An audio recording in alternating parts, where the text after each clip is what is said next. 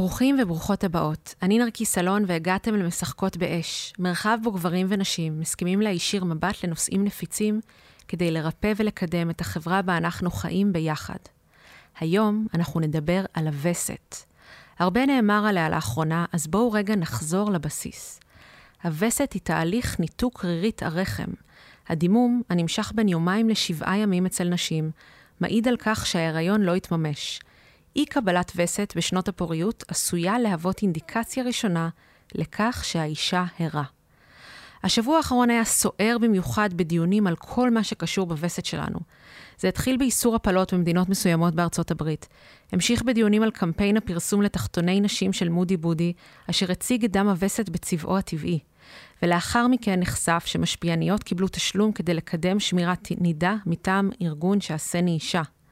כל הרשת התחלקה למחנות בנושאים האלו, וכל אחת מאיתנו נדרשה לתפוס איזשהו צד ברור. באופן אישי, כל הבלגן הזה הציב אותי מאוד. אלו באמת זמנים מורכבים מאוד להיות אישה, והרבה מאיתנו כבר חיו באשליה שאנחנו בדרך החוצה. אבל קרה לי גם משהו מאוד מעניין. הדיונים האלו הזכירו לי את הווסת שלי. לא פגשתי אותה כבר מעל שנה בגלל ההיריון וההנקה. אני מאוד אוהבת להיות בווסת. אלו ימים עבורי של התבוננות פנימית ושיחות עומק עם הגוף. מרוב געגועים דמיינתי כאילו אני מנהלת עם הווסת שלי שיחה. שאלתי אותה באיזה מחנה את בכל נושא. האם היית רוצה שאשמור נידה? מה דעתך להראות את הדם שלי בטלוויזיה? מה את חושבת על זה שיש נשים שמצדיקות עכשיו ברשת את זה שאסרו על אמריקאיות במדינות מסוימות לעשות הפלה? הווסת בשיחותיי הדמיוניות ענתה לי בצורה שגרמה לי להתגעגע אליה אפילו יותר. הזמינה אותי לשחרר רגע את הדיבייטים ואת הצדדים, ולחזור להתיישב במעגל. בכוונת המשוררת הראשונית של הווסת, ישבנו כולנו יחד באוהל האדום. שם דיממנו, אכלנו דברים מתוקים, נחנו, טיפלנו אחת בשנייה ודיברנו על הכל. וזאת בדיוק ההזמנה שלי בפרק הזה. הוא יכיל כמה נקודות מבט, לחלק תתחברו יותר ולחלק פחות. אבל המטרה שלו היא לא להכתיר צודקות או טועות, אלא לשבת במעגל מאוברר ולהאזין לנשים שכרגע הן חלק מהשיח. אני באמת מאמינה שזה חלק משמעותי ממה שבאנו לעשות בעולם בתור נשים. לאפשר שיח נפיץ ולברוא איתו ודרכו עולמות חדשים. אז מי יושבות איתנו היום במעגל? יש לנו את אביגיל רות לב שתספר לנו על דימום מודע והעונג שיכול להיות לאישה בתקופת הווסת. יש לנו את רותי לבייב שתדבר על שמירת נידה והאש שחטפה בקמפיין. יש לנו את ליבי טישלר על קמפיין מודי בודי שהייתה חלק מיצירתו. ויש לנו את רותי קליין ועומר חרלפ, מייסדות לונה, שידברו איתנו על עוני ומחזור, ושינוי התפיסה והדימוי של הווסת בחברה המערבית.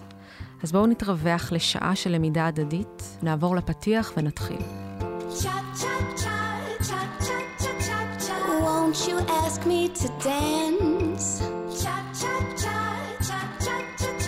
Get over here and take my hand.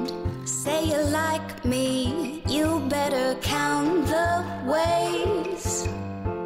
Side to side, move your hips one, two, three.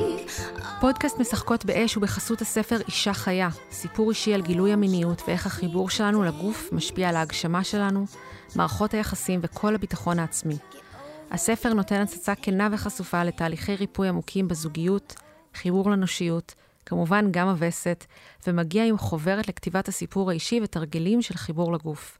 וכן, אני נותנת חסות לעצמי, כי אם אין אני לי, מי לי. אני אביגיל רות לב, אני מנחה ומלווה למיניות מודעת, אני עובדת עם גברים, נשים וזוגות, גם בקליניקה, גם בסדנאות וריטריטים, להתחבר עמוק אה, לגוף, לאנרגיית חיים, לאנרגיה מינית, לתשוקה, למיניות. אני ממש שמחה להיות פה. אני גם שמחה שאת פה. אז בזמנו את השתתפת באחד הפרקים היותר מוצלחים של הפודקאסט. את נתת עדות על, uh, בפרק על מיניות נשית, ותיארת שם סיפור שהוא גם קשור להשפרצה. באופן כללי יש לך קשר uh, מאוד מיוחד עם נוזלים, אז זה ממש מגניב שאת פה בנושא הזה. רוצה קצת לדבר על הקשר שלך עם מים ונוזלים ובגוף האישה? כן, באהבה. אז באמת אני, אה, אני גם מורה לשפיכה נשית, שזה היכולת של אישה להוציא מים מהגוף שלה. אמ, וזו יכולת מופלאה שהרבה נשים לא מכירות. אה, הרבה מהחיבור העמוק שלנו לגוף נלקח מאיתנו לאורך השנים של הפטריארכיה, אה, ויש הרבה עוצמה בלהתחבר אה, למה שיוצא לנו מהגוף. גם היום נדבר על דם הווסת. אמ, וגם היכולת הזאת להתחבר למים שהם רגשות, דרכם באמת להעביר רגשות דרכנו ולחוות יותר אורגזמיות וחיבור עמוק באמת לעוצמה הנשית, לפרא הנשי. ואני רק אגיד לך שהפרק הזה באמת, הרבה אנשים הגיבו אליו.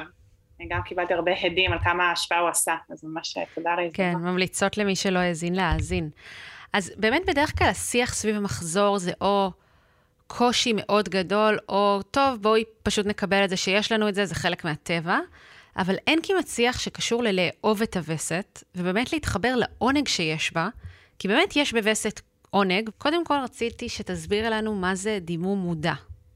אז, אז קודם כל נגיד ש, שכל הנשים בעולם מדממות אה, משהו כמו 40 שנה, מגיל 12 לערך, ובעצם דימום מודע זה היכולת שלנו להוציא את הדם באופן מודע, כלומר לשלוט בדיוק מתי הדם אה, יוצא ואיך הוא יוצא.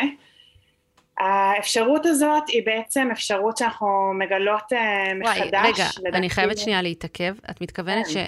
שבמקום שבמהלך היום בווסת שלי יהיו כל מיני רגעים שבהם אדם יוצא, אז אני מנהלת איזה שהם יחסי גומלין שאני אומרת לו, תצא עכשיו.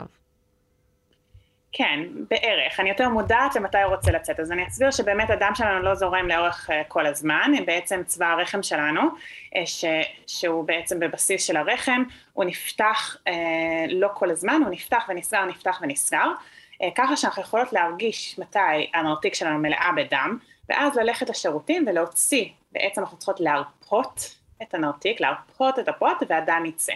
כמו שנגיד את, יש לך נזלת באף, אז את יודעת לפני שהנזלת מתחילה, אה, כן, אה, לרדת, וכולם רואים אותו, את יודעת ללכת לקנח את האף, ונגיד הבן שלך או הבת שלך עוד לא יודעים את זה, נכון, הם עוד לא בשליטה, הם עוד לא למדו את זה, והרבה פעמים יוצא להם נזלת מהאף, אז אנחנו לומדות להרגיש, לחוש מתי הנרתיק מלאה בדם, ואז ללכת לשירותים ולהרפות.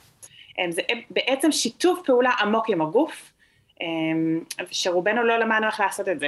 אנחנו מחזירות את הווסת למסלול הטבעי שלה, אנחנו לא צריכות לשים טמפונים או מונקאפ בתוך הנרתיק שלנו, אלא באמת אפשר להשתמש באמצעי ספיגה, כן, אני עדיין אה, משתמשת באמצעי ספיגה, תחתוני וסת, אה, תחפשות רב פעמיות, אבל בעצם רוב היום אני הולכת לשירותים באופן, ומוציאה את הדם באופן מודע. שזה כמו שקורה לי לצורך העניין עם פיפי. נכון, זה ממש ככה. כן, כאילו הגוף כן. שלי מן הסתם, הוא רוצה להוציא את זה כי יש לו, הוא רוצה לעשות פורקן של נוזלים, אבל אני, אני לא צריכה חיתול. וואי, זה ממש מעניין, בחיים לא חשבתי על זה שבאמת, אה, זה באמת חיתול, לא הדברים שאנחנו עושות כרגע. כן, אז אני רק אגיד שזה באמת תרגול מתמשך, זה לא משהו שבא ביום אחד, וזה גם משהו, אה, המודעות הזאת, את לא חייבת לעשות אותה בכל וסת שלך, זה דורש, לדעתי, בעצם ביום הראשון של הווסת, אה, כן להיות בבית, שזה משהו שבכלל אני בעדו, אמ, אנחנו למדנו בחברה שלנו להיות מאוד אה, זכריות, כן? כל הפרסומות של ה-Always, מה הן מראות לך? שאם תשימי... תמשיכי כרגיל. לא רק תמשיכי כרגיל, את אה, הולכת להיות בספורטיבית אה, נכון. באמצע עולים. אה, וגם הדם שלך פתאום בצבע כחול, שזה גם תופעה מעניינת. כן, אני לא יודעת אם ראית שאתמול בעצם יצאה פרסומת של המודי בודי, אה, זה פרסומת אה, של תחתוני וסת והן מראות דם אמיתי ואני מבינה שכל הרשת גועשת ויש בקשה מהם להוריד זה חוצפה. את הפרסומת הזאת שבעצם מראה את הטבעיות כן. של האישה. נכון. מטורף. אז בעצם תרגול מתמשך של חיבור לגוף, כי אנחנו הרבה מאיתנו לא מרגישות את התחושות הזאת, האלה, בעצם כאשר את שמה טמפון או מונקאפ, למי שלא מכירה אה, בעצם זה איזשהו כוס קטנה מסיליקון שאפשר להחדיר לתוך הנרתיק, אז את לא מרגישה מתי הדם נוזל. כן. ואז את באמת לא יכולה לעשות את הדימום המודע. אז זה דורש בעצם לתת לדם לנזול באופן טבעי, אמ, ואז אני לדוגמה מרגישה, או מרגישה איזשהו אמ, לחץ והתמלאות גדולה בתוך הנרתיק שלי של דם, או שאני אפילו מרגישה טיפה אחת מתחילה לצאת, ואני קמה והולכת לשירותים, אז זה כן דורש להיות קרובה לשירותים, אמ, או לטבע, זה דורש ללכת כל שעה או שעתיים, כן, זה באמת דורש אה, להיות על זה, אה, וההמלצה היא הרבה פעמים באמת להיות בבית, שזה בכלל אה, לדעתי המלצה להיות מחוברת למנוחה שאת צריכה ביום הראשון או השני של הווסת. אז זה כן דורש קצת לשנות את האורח חיים, למי שחי אורח חיים מאוד, מאוד אקטיבי בימים האלה. מה לדעתך היתרונות בללכת בגישה כזאת? יש יתרונות ממש ממש רבים. אמ, קודם כל זה ממש מפחית את הכאב, בעצם הרחם לא צריכה להתכווץ כל כך הרבה, ברגע שאנחנו עובדות עם הגוף, אנחנו בשיתוף פעולה עם הגוף, והרחם צריכה להתכווץ פחות, אז כואב פחות. זה גם מקצר את ימי הדימום, ברגע שאנחנו עובדות עם הרחם ועם הגוף, אז הגוף לא צריך כל כך הרבה ימי דימום כדי להוציא את כל רירית הרחם. וזה ממש מקצר, אני יכולה להגיד לך שכרגע אני מדממת בערך רק יום וחצי. למה? אבל אני לא מצליחה להבין למה זה, הרי אם, אם במקום זה יש כאילו את התחבושת, למה זה גורם לגוף לדמם יותר לאט? אז אני לא מדברת כל כך על תחבושת, אני מדברת יותר על סיטואציה שנשים שמות uh, טמפונים או uh, מונקאפים. Mm. Um, בעצם מה שקורה זה ברגע שאת משתפת פעולה עם הרחם, אז הרירית יוצאת בקלות. ואז הגוף צריך לשחרר פחות דם, כי הדם הזה הוא בעצם מה שמזרים את הרירית החוצה. Mm, הבנתי. הוא לא, הוא לא הרירית עצמה, הוא פשוט המוליך. נכון. הבנתי. ויש צורך בפחות אמצעי ספיגה, יש נשים שמגיעות למצב שהן לא צריכות בכלל, אני יכולה להגיד לך שאני לא שם, כלומר 80 אחוז בערך מהדם כן מגיע לאסלה, אה, או אם אני בטבע הוא מגיע לטבע, אבל אה, אני כן צריכה קצת אמצעי ספיגה. כן. וזה פשוט עוזר לנינוחות, את יותר מחוברת לעצמך, לדם שלך, למחזוריות שלך, לנשיות שלך, אה, בצורה עמוקה. וואי, ממש מעניין. איך את מרגישה אחרי שאת מתרוקנת?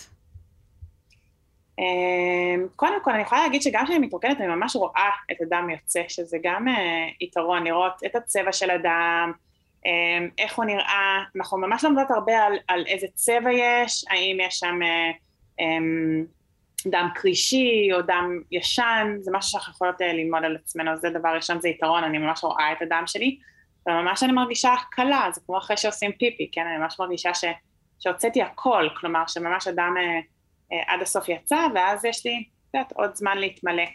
אה, אני יכולה להגיד לך שהגוף שלי כל כך משתף איתי פעולה היום, שגם אם אני לדוגמה אה, באוטובוס ארוך, נגיד בחו"ל, ואני, אה, הגוף שלי ממש מחכה להפסקה, ללכת לשירותים ואז הדם יוצא, כלומר הגוף שלי כבר ממש מכיר את זה שאני, אה, שאני הולכת לשירותים, אני רק אוסיף שבשירותים עדיף להיות בסקווט או בתנוחה כובסת כמו ההודים. ואז בעצם הנרתיק היא, היא מתיישרת כלפי מטה וכל אדם, אדם ששם יכול לזרום החוצה. אז אנחנו כן גם אה, יושבות כזה בתנוחה שתומכת, אני לפעמים עושה את זה דרך אגב באמבטיה, במקלחת, אה, וככה ממש נותנת זמן, ממש מרפה, עוד חשוב לי להגיד שזו פעולה של הרפאיה ולא של דחיפה החוצה של רצפת האגן. אה, דחיפה החוצה של רצפת האגן ממש יכולה אה, לפגוע. אז אנחנו רוצות רק להרפות את השרירים, לפעמים זה לוקח רגע לשבת ככה, להרפות, ולתת לדם ששם אה, לצאת. את מרגישה שזה השפיע על שאר המחזור שלך? כאילו, איך שהווסת שלך מתנהלת משפיעה על כל שאר החודש? לגמרי, לגמרי. אמ, ככל שאני מחוברת לגוף שלי, אני מחוברת לגוף שלי לאורך כל החודש. אז זה דבר ראשון, ו, וככל שאני um, בעצם בקשר בכל מיני תחושות עדינות, אני יכולה להיות בקשר איתם כל החודש ולראות איפה אני נמצאת, אני מאוד מאוד עוקבת אחרי uh, החלקים השונים של החודש שלי, עובדת עם זה גם uh, לתכנון של העשייה שלי, um, מנסה לשים פגישות חשובות וריטריטים בחלק שלי הראשון של הווסט, כאילו של המחזוריות, שאני אחרי וסת עד לביוץ שלי זה החלק שאני הרבה יותר אקטיבית, אמ, סבלנית דרך אגב, נינוחה, אה, והחלק אחרי, עכשיו אני בחלק השני שזה החלק הלוטלי, אמ, אני הולכת לקבל וסת שבוע הבא, אז אה, כן, אז יש לנו שתי חלקים של המחזוריות, והחלק הראשון אה, הוא מאוד מאוד שונה בחלק השני, בחלק הראשון באמת האסטרוגן הוא החלק ההורמון ש... ש... כל הזמן נהיה יותר ויותר ויותר מופרש בגוף והוא גורם לנו להיות מאוד מאוד מאוד ורבליות, יפות, רצון לצאת החוצה ולהיות בעשייה, לפגוש אנשים, והחלק השני אחרי הביוץ הוא בעצם הפרוגסטרון, שזה ההורמון גם של ההיריון, הוא עולה בגוף והוא הרבה יותר, אה, גורם לנו לרצות להיות בבית, אה, הגוף חושב שאולי הוא בהיריון, ואז אנחנו בעצם הרבה יותר רוצות לאכול, לישון, לנוח, אה, פחות לצאת, עד שמגיעה הווסת, וכמובן שלחלקנו יש גם PMS, איזושהי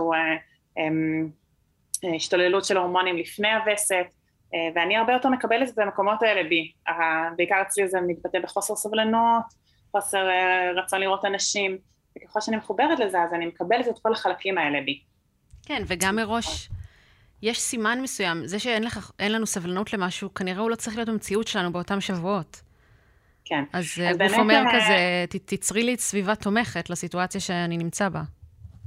הרבה נשים חושבות שלפני הווסת בכל ה-PMS זה לא הן, הן חושבות שזה משהו אחר שמשתלט עליהן, ודווקא שם אה, יש הרבה מאוד אמת, כלומר יכול להיות שבחלק הזה של הווסת שאנחנו סבלניות, דווקא שם אנחנו מבליגות, ודווקא נכון. לפני וסת, אם כל לפני וסת אנחנו לדוגמה, לא יודעת, רוצות אה, כל פעם לפני וסת להתפטר מהעבודה, אז יכול להיות ששם דווקא כן. האמת, כן, זה חלק בנו שמתבטא בצד נכון. הזה של הווסת, צריכות להקשיב לו. אני למדתי את זה מגופה של אישה, תבונתה של אישה, שספר מדהים, ואני שמתי לב לזה על עצמי, שלי היה את זה, הייתי גרה פעם בתל אביב, ו... ונורא נורא רציתי לעזוב את העיר, ממש. וכל פעם זה היה מין כזה רעיון שאני מדברת עליו ולא קורה, ו... ואז שמתי לב שתמיד בשבוע הזה שלפני הווסת, אני מדברת על זה עם אלון בצורה מאוד דרמטית כזאת ורגשנית. וכל הזמן היה אומר לי, כאילו, ושבוע אחרי זה הרגשתי שזה לא כזה קריטי אם נעזוב את העיר או לא. אז כאילו, מה... בסדר, איזה משוגעת, אני ככה חשבתי, אבל באמת ה... להפוך את המקל זה להגיד, לא, תקשיבי בשבוע הזה למה שמגיע ממך, יש שם משהו קריטי. כאילו, אני חושבת שזה מסר ממש מהותי. תגידי, ממש. הרי גברים לא צריכים לחשוב על הדברים האלה. כאילו, הם לא צריכים עכשיו לתכנן פגישות אה, לפי ביוץ, או להיות אשמים על זה שהם לא מתכננים פגישות ומתעלמים מזה ופשוט מסתובבים בחוץ. מה לדעתך בכל זאת היתרונות של להיות אישה, שככה אה, יש לה את המחזור הזה ויש לה את הדבר הזה של הטבע, מה זה בעצם נותן? אני חושבת, וואי, יש יתרונות ממש רבים. כן, כן, אבל אני רוצה בכוונה שנתמלל את זה, כי אני מאוד שמחה להיות כן. אישה, אבל uh, זה לא טריוויאלי. לצערי. כן, וכולנו גדלנו על הדבר הזה של כזה, כן, להסתיר את הווסת ו- ולהתנהג כמו, כמו גברים, ופשוט לשים טמפון בים והכל כרגיל, אז אני ממש חושבת שזו שאלה ממש חשובה. בעצם כשאני מחזורית, אז אני בקשר עמוק עם כל הצדדים שלי, כן, הצדדים, גם המוות וגם בחיים, בחיים. אני בקשר עמוק עם הרצון גם להיות בחוץ וגם להיות בפנים, והזמן הזה של הווסת לדוגמה, שעכשיו דיברנו עליו, זה זמן של חזיונות, זה זמן של לתכנן את העתיד. אז להיות מחזורית זה בעצם לא כל הזמן לרוץ קדימה, כן, בלי, בלי להסתכל אפילו על המטרה, כמו שהחיים בחוץ מלמדים אותנו, אלא באמת לשהות, לחכות לפעמים. אמ, להיות קרובה לעצמי, כן, להיות קרובה למשפחה שלי, ברגע שאני לוקחת ימי חופש בווסת, יש לי זמן לנוח, שזה דברים שאולי החברה המערבית פחות אה, חושבת שהם חשובים, אבל ברגע שיש לי את הדבר הזה שאני נחה וחושבת ומתכננת, אז כל העשייה שלי היא אחרת, כן, היא הרבה יותר מחוברת, היא עשייה שבאה אולי מהלב, מהרחם, אמ, ואז אני גם, אני מכירה את כל המחזוריות של הטבע, אני מחוברת הרבה יותר עמוק לטבע, כן? רואה את היופי שיש גם אה, בסתיו, שהוא, אה, את יודעת, סתיו ווסת זה אותן אותיות, כן, הנשירה הזאת, אני יותר. אמ, בקשר עם החורף שאני, כן, עם, עם הצדדים האלה ש, שרגע אולי שקטים או בדיכאון, ויש לי הרבה יותר הבנה של כל החלקים של להיות אה, בת אנוש או בן אנוש, ולדעתי גם לגברים יש את המחזוריות, אולי היא לא בולטת בהורמונים חזקים, בווסת, וגם הווסת שלנו היא איזושהי הזדמנות להתנקות, כן? כל פעם שיש וסת בעצם הרבה מאוד אנרגיה יוצאת מהגוף, כל מיני חלקים בנו שמתו בחודש הזה, שצריכים איזושהי השאלה יוצאים. ואת יודעת, התחלת את זה עם זה שאת באמת uh, מתבאסת קצת שלא היה לך וסת הרבה זמן, ואני חושבת שזה לא סתם, את מתבאסת כי הדבר הזה שנותן לך uh, להיות אישה, שבאמת מוציאה ממנה פעם בחודש את כל מה שהיא לא צריכה, זה מתנה ענקית, ו- ולכן את מתגעגעת. כן. זה מאוד הגיוני, כן. אמ, את יודעת, אני חושבת שלהסכים שה... להתמסר לחיבור הזה שיש בינינו לבין האדמה, לבין כדור הארץ, בין גוף האישה לבין כדור הארץ, זה הסוד של החיים כאישה. אני מרגישה כן. שזה המסלול שלנו. כן, ובכל מיני, אה, כן, בזמנים עתיקים, אז באמת אה, אומרים שהאישה הייתה צריכה להוציא את הדם שלה לאדמה. דרך אגב, בעברית היא שפה מדהימה, אנחנו נקראות, אה, כן, נקראים אדם, עם מילה דם, נכון, ואדמה. נכון. ומספרים אה, שפעם אה, כדי להיות מחוברים באופן עמוק, אז נשים היו צריכים, צריכות להביא את הדם שלהם לאדמה, והגברים היו צריכים למות במלחמות להביא את הדם שלהם לאדמה. וואי, דווקא אומרים שהיום כן, שאולי היום אנחנו במערכת אחרת של מערכת של מים ולא צריך למות במלחמות כדי שהאדמה תהיה מסופקת. אבל ככל שאישה באמת מביאה את הדם שלה לאופציה, זה לא רק לאסלה, אלא באמת או לצאת החוצה לאדמה או לתפוס את זה באיזושהי קערה ולהביא את הדם לאדמה, אז האדמה מחפשת את זה, את החיבור העמוק שלנו אליה, ובעצם אנחנו, אנחנו פרי מה, מהאדמה הזאת, כן? כל הגוף שלנו הוא בעצם חיבור בין, בין האלמנטים של הטבע. אז אני בקבוצה של האוכלוסייה שאני מרגישה חשק מיני יותר מוגבר בווסת. Mm-hmm. מה את חושבת על זה? מדהים. אה, אני חושבת שזה ממש, כל אחת צריכה להקשיב לגוף שלה, אה, ואם מתאים לה לעשות אהבה בזמן וסת אז נהדר. באמת להרבה נשים פשוט הנרתיק יותר פתוחה ובאמת יש שם יותר פחות חיכוך או פחות בגלל שיש דם וזה מאוד נעים וברגע שזה מתאים לך ולבן או בת זוג שלך זה מעולה, אפשר להניח איזה מגבת ככה. ו... לא, את יודעת, הדרך שזה... כאילו ל- לפגוש חשק מיני זה לא רק במעשה אהבה עם בן זוג, מן הסתם. נכון, לגמרי, גם בעינוג עצמי. Um, אני מכירה את יודעת את הגישות של היהדות, שבאמת אה, מרגישות שזה זמן של אישה להתכנס עם עצמה uh, ולהתכנס עם הגוף שלה, יכול להיות שיש נשים שזה ממש נכון להם, ואם אתן מקשיבות לי וזה נכון לכם, אז מעולה, או לגעת בעצמך, או באמת לעשות אהבה עם בן או בת זוג. אבל אם זה באמת uh, מתאים לך, אז נהדר. יש נשים שפשוט יותר נוח להן לעשות אהבה בזמן הזה, כי הן פחות מפחדות להיכנס להיריון. אז זה גם... Uh... למרות שזאת לא ערובה, זה לא מבטיח. בימים האחרונים של הווסת, אם כן. כל המחזוריות שלך קצרה, אז יכול להיות שזה כבר יהיה קרוב לביוט שלך. צריכה להכיר כן. את הגוף שלך. Um, אני רק אגיד שזה באמת תרגול, זה לוקח זמן, אני כבר, אני לא יודעת, מ-2016, um, התחלתי קצת להיות יותר מודעת, ולאורך השנים באמת אה, השתמשתי במונקה, ואז בתחתוני וסת, וזה ממש השתנה לאורך השנים. אה, ולהגיד שזה לוקח זמן, זה גם לא חייב להיות בכל וסת ווסת שלך, את יכולה לבחור אה, מתי, אם מתאים לך, והכי חשוב זה פשוט להרפות, לא לדחוף החוצה את רצפת האגן שלך, לזרום עם הגוף שלך, באמת לעבוד עם הגוף שלך, לשתף פעולה ולקחת את הזמן ללמוד את זה. מאוד ממליצה כן לקנות uh, תחתוני וסת או תחבשות רב פעמיות כדי שאת יכולה כזה uh, להתנסות עם זה ולא לדאוג שאת מחתימה um, את הבגדים שלך ואת המיטה שלך ו- ולהגיד שזה שווה את זה, זה באמת uh, היתרונות מרובים והחיבור לגוף הנשי הוא באמת אחד מהפלאים של העולם הזה, להיות מחוברת באופן עמוק לגוף הנפלא הזה שקיבלת uh, במתנה בחיים האלה. ומהעונג שבווסת והדימום המודע, נעבור לשמירת נידה. אני רותי לוואי ואליזרוב, אני יועצת אה, זוגית ומינית, מגשרת ומדריכת כלות. אה, נשואה לאפי ואימא לשבעה ילדים. אה, דבר ראשון, אני רוצה שתספרי קצת מה זה שעשני אישה. שעשני אישה זה מיזם שאנחנו עובדות עליו כבר שנתיים, השותפה שלי, ברכה שילת ואני. אה, בעצם בתור אה, מדריכת כלות ובתור אה, גם יועצת זוגית, אני יושבת הרבה עם זוגות לפני חתונה. וכשאנחנו בעצם עושים הדרכה, שזה משהו שלא כל כך קיים בכל המגזרים, עושים את זה יותר במגזר הדתי, מתוך מקום של להבין שלנישואים צריך להגיע בעצם עם איזושהי הדרכה. מצפים מאיתנו להתאהב, להתחתן, ויאללה, יהיה טוב. וכשבאמת עושים הדרכה ומבינים מה זה גבר, מה זה אישה, מה החזון הזוגי שלנו ביחד, איך אנחנו רוצים להגיע לשם, אה, זה משנה את כל התמונה.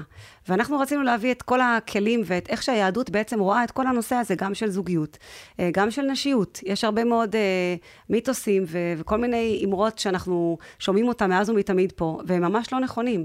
כל הנושא של נידה, טומאה, טהרה, ואנחנו החלטנו שאנחנו רוצות פשוט מאוד להביא את, ה- את כל האינפורמציה בצורה הכי מדויקת, להראות כמה שהיהדות שה- מכבדת ומוקירה את האישה, והאישה ממוצבת במקום כל כך גבוה, הרבה יותר ממה שחושבים.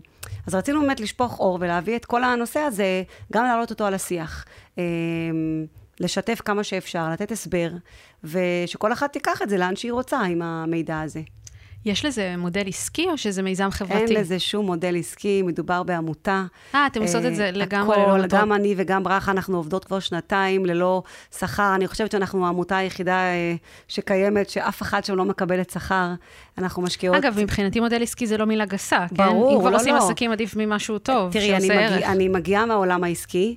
ואני לא חושבת שהייתי רואה פה איזשהו פוטנציאל עסקי שהיה אה, עומד ב, ביכולות שלי ל, לעשות דברים אחרים מעולם הנדל"ן ומעולם ה, מענף היהלומים שאנחנו מגיעים ממנו. זה ממש לא מודל עסקי, זה משהו שפשוט, אני מאוד מרגישה שזה סוג של שליחות שאני נבחרתי בעצם אה, להעביר אותה, וזה מגיע... פשוט מהמקום הזה. ראיתי שבעצם המטרה שלכן, של, של המיזם בגדול, זה בכלל לייצר מרחב בטוח לדבר על זוגיות, לדבר על אינטימיות, לדבר על נשיות, כמו שאת אומרת. למה החלטתם לשים בתוך זה דגש כל כך גדול על טהרת המשפחה? כי זה אחד מהדברים. נכון. אז אני חושבת שברגע שמבינים ומסתכלים על טהרת המשפחה, בגלל המקום של הסטיגמות שאמרנו, אני חושבת שאנחנו מפספסים פה נקודה מאוד חזקה, במיוחד של מעמד האישה. כי ברגע שאנחנו נבין בעצם מה באמת כל הסיפור הזה, מה, מה קורה פה, מה קורה לאישה, למה כשהיא מקבלת מחזור עושים כזה טררם ו- ואומרים עליה היא ככה והיא ככה, ו- והבעל והאישה לא נוגעים אחד בשנייה. אני מסתכלת על זה מהמקום שהיהדות מלמדת אותנו, ש... רגע, אה, תסבירי רגע, כאילו אני ילדה בת אוקיי, עשר, מה זה? צודקת. הכי פשוט. אז ככה, טהרת המשפחה אומר שהכל עובד לפי המחזוריות של האישה. ברגע שהאישה מקבלת מחזור, בעצם נכנסת לתקופה של נדידה, שזה מלשון המילה נידה, זה נדידה, אה, שאומר שהבעל והאישה, וזה שניהם, זה לא שהיא עוזבת או משהו, הם פשוט מתרחקים פיזית, זה אומר שלא מקיימים יחסי מין, אה, ויש הרבה אנשים שמקפידים כל אחד ברמה שלו, יש כאלה שלא ישנים באותה מיטה, אלא באותו חדר עם מיטות טיפה נפרדות. יש כאלה שלא נוגעים ביד אפילו. יש כאלה שלא מתחבקים ולא מתנשקים ולא מעבירים אפילו משהו מיד ליד. ועם גברים אבל... אחרים? אני יכולה ללחוץ יד לגבר כשאני ב, בתקופה הזאת לפי, לפי ה... כן, כי הלכות נידה הם רק, הם רק uh, קיימים בין בעל ואישה. הם okay. לא אוקיי. קיימים לאף אחד אחר. אוקיי. Okay. Um, ובעצם מה שקורה בזמן הזה, זאת אומרת, היא מסיימת את המחזור, ואחר כך, כשנגמר המחזור, אחרי שבוע בדיוק, uh, שזה נקרא שבעה ימים נקיים, זה הערב שבו היא טובלת. בערב של הטבילה במקווה, זה גם הערב שבו בעצם הבעל והאישה חוזרים בחזרה לחיי אישות, uh, לקיום יחסי מין. זה סך הכל שבעה ימים שאנחנו מתרחקים, זה שבע נודדים. פלוס הימים של המחזור. אז זה בדרך כלל יוצא 11-12 כן. יום. אוקיי. משהו כזה. כן. Um, היופי ש, uh, שאני רוצה להסביר את המקום של איפה היהדות רואה את המקום שאני אומרת, כי כשאני אומרת שאני טובלת במקווה, אני מרגישה הכי פמיניסטית והכי מועצמת, אז אנשים לפעמים כזה מסתכלים ואומרים, מה היא, מה היא מחרטטת? אז אני רוצה, אני רוצה להסביר את המקום הזה. בעצם, למה זה בכלל קורה? אז ברגע שאישה מקבלת מחזור, אנחנו יודעים היום גם מהעולם הקליני שיש קשר ישיר בין גוף לנפש. משהו קורה. אנחנו גם מכירים את האישה בזמן של המחזור, שמשהו עובר עליה, ומשהו היא לא רגועה, וזה ימים שככה הכל יותר באיזי ויותר בדאון, והיא צריכה יותר כאילו לקחת את זה באיזי. אמ, וזה בגלל שבאמת קורה לה משהו, לא רק בגוף, אלא גם בנפש. אישה היא היצור היחיד שיכול להביא חיים. מה לעשות, גבר עדיין לא יכול להביא חיים לבד, אה, ו... המקום הזה של דווקא של המושג שאנחנו כל כך מפחדים ממנו, שנקרא טומאה, הוא בעצם מרמז על אובדן חיים. כשיש עיבוד של חיים, זה מביא אותנו למצב טומאה, שזה מצב רוחני. הוא לא אומר שום דבר על ניקיון, ולא שהיא מלוכלכת ולא מנודה, ולא שום דבר כזה. אנחנו גם מכירים את זה, למי שמכיר את המושגים ביהדות, יש גם עניין שלמשל לכהן אסור לעבור ליד בית קברות, כי אז הוא בעצם נטמע בטומאת המת, כי הוא היה ליד משהו שאין בו חיים. ובעצם האישה, ברגע שהיא טובלת במקווה, שגם המקווה עצמו, רק להבין מה זה המים של המקווה האלה. זה לא בריכה שאת עושה בבית או, או, או באמבטיה שלך, זה מים מיוחדים, שזה מי הגשמים שיד אדם לא נגע בהם. אישה בתוך המים של המקווה היא כמו תינוק בתוך העובר שלה, בבטן של האימא, בעצם מכוסה במים טבעיים. ואומרים שמה שהמקווה בעצם עושה לנשמה של האישה, אנחנו לא נוכל להסביר את זה במילים. היו לי כל כך הרבה נשים שאני מלווה אותן גם למקווה, והן מספרות, וזה נשים שעוד פעם, דגש חשוב על זה שהן לא שומרות תורה ומצוות. אה, והן אומרות, ברגע של הטבילה לא יכלנו להסביר את זה, אבל הרגשנו כאילו נפתחה לנו צ'קרה, כאילו משהו שקשה לשים את האצבע ולהסביר אותו קורה. ואני אומרת שכשאישה מבינה את המקום הזה של כמה כוח וכמה עוצמה יש לה, ובזמן הזה אומרים לנו שזה זמן כל כך מדהים לבקש כל מה שאנחנו רוצות. יש לאישה מרגע שהיא נכנסת למקווה עד יום אחרי אפשרות להתפלל ולבקש על עצמה, על הזוגיות, על הבריאות, על החברות שלה, על מישהי שלא מצליחה להיכנס להיריון. יש כל כך הרבה יכולות וסגולות, וחבל לי ש, שאנחנו לא יודעים ומפספסים אותם. אבל רגע, אני מנסה להבין משהו. למה, אוקיי, בואי נגיד, אנחנו מדברות וסת, זה באמת אובדן של פוטנציאל של חיים. הגוף נערך להיריון, לא היה הריון, נכון? נכון. ויש כאלה שגם אה, אומרים שבגלל זה יש עצב הרבה פעמים בווסת, כי יש משהו במערכת שלנו שעצוב שלא היה חיים, אפילו אם בצורה נכון. רציונלית לא רצינו להיכנס להיריון. אני לא מצליחה, אבל איך הגענו מזה לזה שזה אומר שאני צריכה לא לקיים יחסי אישות? זאת אומרת, למה? למה, איפה, איפה היהדות עושה את הקשר בין שני הדברים? אז, אז לא, לאו דווקא, קודם כל נגיד שהמצווה של טהרת המשפחה היא, היא מצווה שקיבלנו אותה בלי יותר מדי הסבר. זה נקרא, mm. זה נקרא חוק, אבל אנחנו כן רואים את כל ההיגיון העצום במקום הזה. אה, אם את תסתכלי על, ה, על העולם הזוגי היום, אחד מהאתגרים שכל אה, מטפל מיני מתמודד איתו היום, זה מקום של, אה, את יודעת, מאבדים את התשוקה, מאבדים את הריגוש, זה משהו שהמיניות עם אותו בן זוג קיימת כל הזמן, זה כל הזמן נראה פחות או יותר אותו דבר, וזה כבר מאבד מה, מהאיכות שלו ומה, ומהכל. ובעצם כשיש לנו את התקופה ש, שיש את ההפרדה הפיזית הזאת, אנחנו בעצם נמצאים באותו בית, ישנים אפילו באותה חדר שינה, אבל לא קיים שום מגע פיזי. וזה בעצם גורם, זה לא כמו שהבן זוג שלך נוסע לחו"ל ואת מתגעגעת אליו ב-12 יום שהוא יחזור הביתה. אתם נמצאים באותו מרחב, אבל התקשורת שלכם וכל הקשר שלכם, הוא מגיע ממקום אחר. הוא מגיע ממקום שעובד על קרבת הלב, על עליות, אה, איך אפשר לנחם ולשמח מישהי שאתה לא יכול, את אשתך שאתה לא יכול לגעת בה בעצם. זה ללמוד שפה אחרת לגמרי של תקשורת, אה, וגם להשקיע בפעילויות שבדרך כלל אין לנו כל כך זמן לעשות אותן, כי אנחנו אה, בדרך כלל עסוקים גם בעיקר בפיזי. גם ככה אנחנו נמשכים אחד לשנייה, ככה, ככה הקדוש ברוך הוא ברא. אנחנו מתאהבים, הקטע הפיזי והאינטימי מושך אותנו, ואת, והעולם מדבר על זה במחקרים שתקופת ההתאהבות היא בין ארבע שעות לשנתיים. אז באמת בשביל לשמור על זה, כדי שזה לא יסתיים אחרי שנתיים, אלא זה ייבנה ויתחזק ממקום חברי ומקשר יותר עמוק, יש את התקופה הזאת. את יודעת, אסתר פרל מדברת בספר של האינטליגנציה האירוטית על, על זה שהתשוקה היא כמו, היא כמו אש, זה הרי אנרגיה, וכמו שאש צריכה מרחב, אה, ככה גם התשוקה שלנו צריכה קצת, קצת מרחב, קצת להתרחק בשביל להתגעגע ולחזור ולהתקרב. אז אני רוצה, אני רוצה להגיד על זה משהו בתור מישהי ש... את יודעת, אני ובעלי עברנו מסע מיני אה, בתוך הדרך שלנו, שהיה לנו תקופה שכמעט לא היינו יכולים לקיים יחסי מין, ומשהו שם באמת לא היה מחובר, וזה אגב בעיה של הרבה זוגות, זה מאוד מאוד מאוד נפוץ. אז דווקא מהניסיון שלי, מרחק זה לא היה הדבר שעזר לנו. זאת אומרת, זה לא שאני לא מבינה מה את אומרת, ברור שיכול להיות הרבה יתרונות במערכת יחסים, לא רק בקטע מיני, במרחק, אבל אם יש איזשהו מדבר בין שני אנשים ברמת האינטימיות והמיניות, דווקא מה שצריך זה להעמיק במובן הפיזי. מבינה מה אני אומרת? ולהצליח להיפגש. מבינה מאוד מה שאת אומרת, ואת נוגעת בנקודה מאוד חשובה. וגם מעניין אותי אם היהדות במקום מסוים מתייחסת לזה, כי, כי אז בעיניי המרחק הוא לא פתרון, הוא, הוא פתרון אני, קוסמטי. אני, אני אסביר, ואת שואלת שאלה מאוד חשובה ומאוד מאוד אה, נכונה. אה, טהרת המשפחה והמרחק הזה זה אחד מהכלים, אבל צריך להבין, זאת אומרת, זה הבסיס של הבית היהודי, אבל צריך להבין שבשביל שזה יעבוד כמו שצריך, צריך גם את כל המעטפת.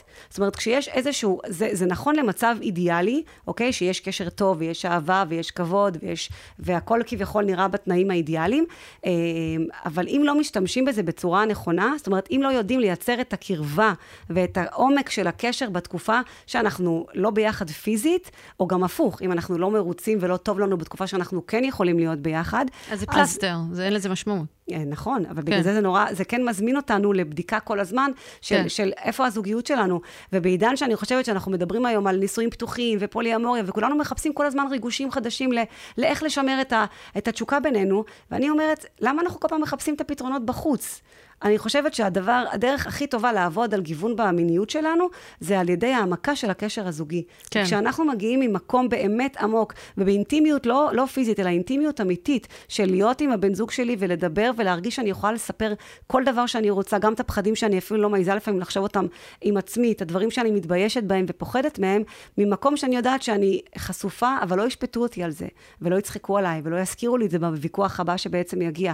וכשאנחנו באמת מצליחים לעבוד על המקום העמוק והחשוב הזה, אז מן הסתם, הכלי הזה של ההתרחקות להתקרבות, הוא יכול להיות מאוד חזק, אבל את צודקת, אם הזוגיות היא לא הכי טובה, או לא, לא אקרא לזה לא טובה, אם, אם היא לא הכי מדויקת, או שיש כל מיני דברים לא סגורים, זה לא הפתרון. אז המרחק כן. יכול ליצור באמת קושי. כן. ויש הרבה מאוד נשים אה, ששומרות טהרת המשפחה, ואומרות, קשה לנו מאוד בתקופה הזאת.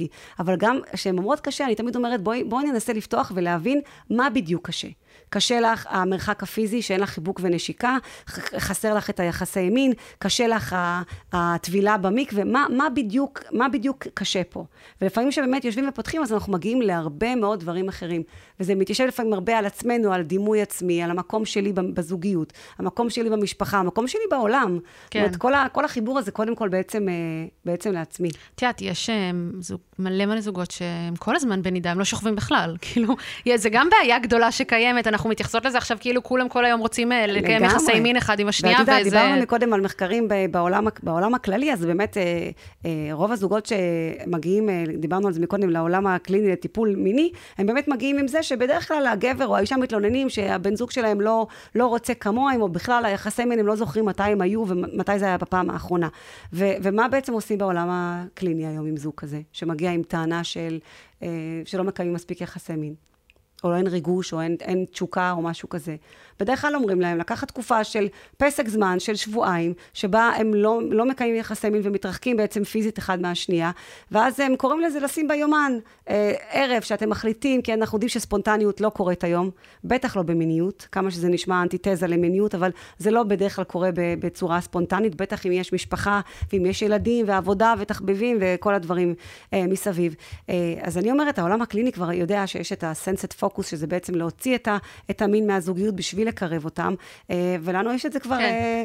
אה, 3,200 שנה, רק צריך לדעת להשתמש בכלי הזה בצורה נכונה. כן, זהו, אז, אז באמת הקטע של ההתרחקות זה פתרון אחד. אני, אני חושבת שכאילו בחוויה שלי היו דברים אחרים, כאילו המכה הזאת לא הייתה קשורה אצלנו להתרחקות, אבל את יודעת, אני זוכרת שדיברתי על זה עם חברה, שיש לפעמים בהדרכת כלות שאומרים לך, כל הברכה של המשפחה תלויה באישה, והיא תלויה בשמירת הנידה של האישה. הבריאות של הילדים, ההצלחה בקריירה של אה, הבעל והאישה. הדבר ראשון, יש בזה משהו קצת מפחיד, כי יש נשים, ש, אה, נשים שבחרו לשמור נידה בגלל זה, כי הם אמרו, אוי ואבוי, אם אני לא אשמור נידה, אז אה, מה יקרה למשפחה, וזה הכל בגללי. אז אני חושבת שיש כאן... יש כאן סמנטיקה שיכולה להיות בעייתית. אני אפילו לא, אני לא מדברת בהקשרים של כפייה דתית, לא כפייה דתית, אני אומרת, יש משהו ב... כל, כל דבר את יכולה להבין אותו במובן רוחני ובמובן של פשט פשוט. יש בזה משהו נורא נורא מפחיד, אז מעניין אותי מה את חושבת על זה, וגם שתנסי קצת להנגיש לנו את האמונה הזאת של הברכה נמצאת אצל האישה ושמירת הנידה של האישה. תראי, אני חושבת שביהדות, היהדות מדברת הרבה על המקום הזה שהאישה היא בעצם הצינור. היא הצינור של השפע, שבעצם כל הברכה מגיעה ממנה. והיהדות מדברת אל הגבר, שאומרים לגבר, אתה רוצה להיות עשיר, תכבד את אשתך. זאת אומרת, יש פה, את יודעת, זה עובד כאילו לשתי, לשתי הכיוונים. אני חושבת שהכוח שנמצא ביהדות אצל האישה הוא עצום. אנחנו רואים את זה קודם כל בעצם העובדה שמי נחשב יהודי? מסתכלים על האימא, לא מסתכלים על האבא. יכול להיות שאת, אה, שיהיה רב הכי גדול והכי צדיק בעולם, שיהיה עם מישהי שהיא לא יהודייה, הילד שייוולד לה, עם כל הכבוד לו, הוא יהיה לא יהודי. אבל לעומת זאת, אישה שיכולה להיות לא קשורה, אה, לא שומרת תורה ומצוות ולא שום דבר, לא משנה עם מי היא תהיה, הילד שיצא ממנה, הוא יהיה ילד שהוא 100% יהודי. זאת אומרת, הכבוד שהיהדות נותנת לאישה, אה, לעומת כל דת אחרת בעולם, הוא, הוא גדול מאוד. ובאמת באמת היהדות רואה את האישה ככוח חזק מאוד. אנחנו יודעים שאומרים בזכות נשים נגאלנו ממצרים, ובזכות נשים ניגאל. ביהדות יש אה, נביאות, דבר שלא קיים בשום, בשום דת ובשום מקום אחר. נשים תמיד היו אלה מאחורי כל הפריצות הכי גדולות, אם זה אסתר, ואם זה מרים, ואם זה דבורה הנביאה ויעל. תמיד נשים עשו תהליכים שבאמת, אה, כמו שאמרנו, הביאו את ה... את הגאולה, כי לאישה יש הרבה מאוד כוח. והדרך של, הרי לאישה יש שלוש מצוות. מה זה אומר מצווה? מצווה זה, בעצם אלוקים אומר לך, את רוצה מערכת יחסים איתי? זה מה שאני מבקש ממך. אני רוצה ממך שלוש דברים. אני רוצה שתדליקי נרות ביום שישי, אני רוצה שאם את עושה הפרשת חלב או מכינה עיסה של קמח אה, מעל לקילו וחצי, שתפרישי חלה, ואני רוצה שתשמרי נידה. זה מה שאני מבקש ממך. ברגע שאת, זאת אומרת, שאת רוצה מערכת יחסים איתי, זה הדרך שלך להתחבר אליי רוחנית. אה, ובתוך כדי שהיא עושה את זה, היא בעצם מביאה את כל הברכות האלה אליה הביתה. אני לא אגיד לעולם... אה, כאילו, אני לא חושבת שזה מקום של אף אחד להגיד שאם לא תעשי ככה, אז חס וחלילה יהיה, זה, זה ממש לא נכון, ואני לא מסכימה עם הגישה הזאת בכלל, בכלל, בכלל. אבל כלאישה יש כן הרבה מאוד כוח לשנות דברים אצלה. ויש אין ספור סיפורים על... אה, על נשים שחוו כל מיני דברים, אבל אני רוצה שאנחנו לא נעשה את זה ממקום של רק של סגולה וממקום של כדאי לי כי אני רוצה, אלא ממקום שאני רוצה שתראי כמה אה, כמה בעצם היהדות מזמינה אותך לבדוק עם עצמך איפה את נמצאת. הרי נשים, אנחנו אה, עם כזה, שככה נבראנו, שאנחנו תמיד שמות את כולם בראש סדר העדיפויות ואת עצמנו הכי הכי למטה. אנחנו רואים את זה ב... ב מי מכינה לעצמנו, רק לעצמנו ארוחה ככה טובה ובריאה? אנחנו נאכל מה שנשאר מהילדים, אנחנו נתאפק יום שלם ולא נלך לשירותים, כי כל הזמן צריכים אותנו. ואישה תמיד שמה את עצמה הכי למטה. ובעצם היהדות אומרת לך, רגע, כשאת מקבלת מחזור, הגוף שלך בעצם נותן לך איזה סוג של תמרור עצור כזה שאומר לך, רגע, קודם כל תעצרי. קודם כל תבדקי איפה את, מה קורה איתך, מה את צריכה כרגע. אל תהיי פנויה ולא זמינה לשום דבר, לא לבן זוג ולא לאף אחד. תבואי תבדקי עם עצמך. מה קורה, איפה את נמצאת, מה את צריכה. לא, אבל בימים של הנידה, את כן עדיין מטפלת בילדים ועושה את המטלות שלך. כן, אבל זה, ברגע שזה עוצר אותך בעצם, בשביל להבין, רגע, בוא, בוא נאט קצב, בוא נראה מה קורה. איפה אני יכולה לעשות דברים שהם נכונים לי, שהם טובים לי, ולא רק אה, למשפחה ולכל דבר אחר. אה, יש גם הרבה אספקטים, אה, את יודעת, בריאותיים, שאני פחות נוגעת בהם.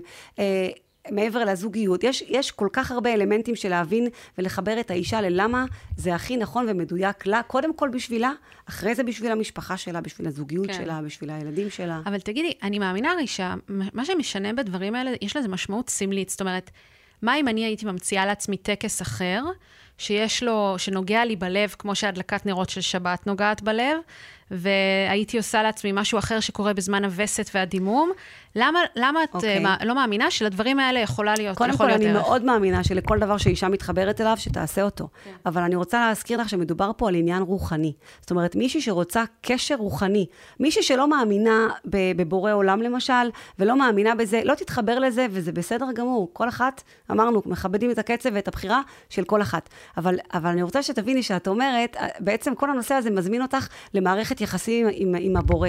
והוא אומר, אם את רוצה מערכת יחסים איתי, זה מה שאני רוצה ממך. וכמו שבזוגיות, את לא תגידי לבן זוג שלך, יש לך יום הולדת, אבל אני רוצה לתת לך מתנה שאני רוצה לתת לך. אנחנו ניתן מה שהוא בעצם רוצה. וזה בדיוק המקום. כן. כן, נכון, זה דורש, זה באמת זה צריך להסכים... ממקום, uh... כן, ממקום ש, שאם אנחנו רוצים חיבור רוחני, זה מה, ש... זה מה שבעצם כן. הקדוש ברוך הוא מבקש ש... מאיתנו. שהוא חלק מהיהדות, של מי שמתחבר בוודאי, ובאמת מאמין כן. בה. אז את יודעת, יש הרבה נשים שאומרות שדווקא בווסת, יש להם חשק מיני מוגבר. מה את אומרת במקרים כאלה? Uh, תראי, זה ידוע שאומרים uh, מים גנובים ימתקו, בדרך כלל שמשהו כן. אסור אנחנו uh, רוצים. יש מחקרים גם לפה וגם לשם. רוב המחקרים מראים על זה שדווקא הפיק בחשק המיני של הנשים זה בין היום ה-12 ל-14 של המחזור, ויש כאלה, כן, זה כמו שנשים, אני שומעת הרבה למשל נשים שמספרות שדווקא ביום שלה, שהן צריכות ללכת לטבול במקווה, דווקא באותו יום אין להן חשק. ואני חושבת שבכלל להסביר נושא של חשק, אנחנו יכולים לעשות על זה בכלל... אה, כן, אה, היה לנו פרק על זה מעולה בפודקאסט, כן, זה, זה באמת... וזה אה, מסתורי. נכון, זה מסתורי, וזה להבין שזה משהו שאת צריכה לרצות להיכנס למקום הזה, ולא לא כן. רק שאנחנו מרגישות שפתאום בא לנו. אז אני חושבת ש, שיכול להיות, ומאוד יכול להיות, שדווקא בתקופה שאת כביכול, אתם לא יכולים להיות כרגע ביחד, בוודאי שיכול להיות שיש חשק, ואני חושבת שזה מבורך, וזה רק יוצר עוד יותר את, ה, את הציפייה ואת התשוקה למפגש המיני שלכם בפעם הבאה, להרבה יותר מרגש. ואת יודעת, אני אומרת שעד שנשים לא ינסו, אם לא יבינו את התחושה הזאת של הגוף, עזבי עכשיו נפש, אה, להיות במגע אה, מיני ביחד, אה, אפילו גוף לגוף, כשהיה את ה-12 יום האלה שאתם נמצאים ביחד, מתנהלים ביחד, אבל יודעים כל הזמן שזה עדיין לא, לא, לא, עדיין לא נהיה ביחד בקטע הפיזי. כי כל חיבוק וכל נשיקה וכל מגע מרגיש בעוצמות הרבה הרבה יותר גבוהות. זה משהו שקשה להסביר אותו בתחושות, אלא... כן. אמ, את יודעת, אני עשיתי פעם ויפאסנה, את יודעת מה זה ויפאסנה? כן, בטח. אז תחשבי שבמשך עשרה ימים לא רק לא ראיתי את אלון, את בן זוג שלי, גם, אה, את יודעת, לא דיברתי, וגם את רק מתמקדת בתחושות הגוף, והמפגש שלנו אחרי העשרה ימים האלה היה באמת בלתי נתפס. זה, זה באמת היה משהו אחר. בדיוק, אמ, בגלל זה אני אומרת שנורא קשה להסביר את זה. כן. וכן. כן, אבל זה גרסה, את יודעת, זה גרסה אחרת של נידה. לגמרי, זאת אומרת, אפשר... אה, לגמרי. אז... אז אני רוצה רגע להתייחס באמת לאש ש... שלאחרונה אה, מקיפה אותך. יש אה, בעצם, אה, מה שקרה זה שבימים האחרונים, למתי שאנחנו מקליטות, אנחנו לא יודעות באיזה יום זה ישודר, אבל באמת בימים האחרונים נחשף שלכאורה היו כל מיני משפיעניות שבעצם עשו תכנים על נידה, והם לא שיתפו שזה תוכן ממומן מהארגון שאתם הקמתם. אמ, שוב, זו טענה, בגלל שאתן אומרות נכון. ש, שזה כן היה... אנחנו, אה, כן, זה הכל היה כן בגלוי, היה. והכל כן. היה רשום, ו... אז... וגם, וגם דגש חשוב שאני כל הזמן מסבירה, זה שהם לא קיבלו כסף על זה שהם ידברו על תוכן של נידה, בכלל לא. אז בעצם חברנו אליהם מתוך המקום שידענו שיש להם איזשהו חיבור למסורת היהודית, והם בעצם באו לראיונות שהם מספרים לנו על החיבור שלהם למקום הזה, על הזוגיות שלהם, על המשפחתיות שלהם ועל הקשר שלהם למסורת היהודית בכלל. ולמה את חושבת שאנשים כל כך כעסו? למה את חושבת שזה יצר כזה רעש, הדבר הזה? אני חושבת שבמדינה שלנו, כל מה שקשור לנושא של יהדות, הוא מעורר... אה, מעורר אנטי, על זה אסור לדבר, אל תגידו לאף אחד. כל תחום אחר אפשר לדבר עליו, אה, אבל רק הנושא הזה של יהדות, לא רוצים לשמוע ולא רוצים לגעת, ופתאום זה נהיה לא בסדר. אז אחד הדברים שאנשים אמרו זה ש... יודעת, הרי יש גם קמפיינים להדלקת נרות, מן הסתם. נכון. כולנו מכירים, את. אנחנו הולכים ברחוב ומישהו נותן לנו. אני חושבת שעצבן אנשים שנגעתם בחילוניות. זאת אומרת, לא, אל תיתנו לחילוניות לדבר על זה מול קהל חילוני. מה את חושבת על זה, וגם למה היה לכם חשוב ספציפית ללכת לחילוניות? אוקיי, okay, אז קודם כל, אני, הסיבה שבאמת פנינו לקהל הכללי, mm-hmm. אה, הייתה בגלל ש... רצינו להראות, כי לפי מחקרים שעשינו, ראינו שדווקא נשים שלא מגדירות את עצמן דתיות, אלא מסורתיות, זאת אומרת שהן יכולות להדליק נרות שבת ואחר כך אה, לנסוע גם באוטו, אה, חלק, אה, חלקם באמת טובלות במקווה בבסיס קבוע. והיה נורא חשוב לנו להסביר שטהרת המשפחה זה לא משהו שקשור לדת, זה לא רק למי שדתייה, אלא זה משהו שהוא מעבר לזה, הוא מהות יהודית. זה הבסיס וממש העמוד טבח של, של עם ישראל לאורך הדורות. אישה שטובלת היום במקווה, היא לא עושה את זה רק, היא מתחברת בעצם לשושלת של אימא שלה וסבתא שלה וכל הדורות הקודמים שעשו את זה לאורך אלפי שנים. ואני חושבת שהחיבור היה באמת בשביל להראות שלא צריך להיות דתייה בשביל אה, לקיים את זה, וגם להיות מאוד מופתעים.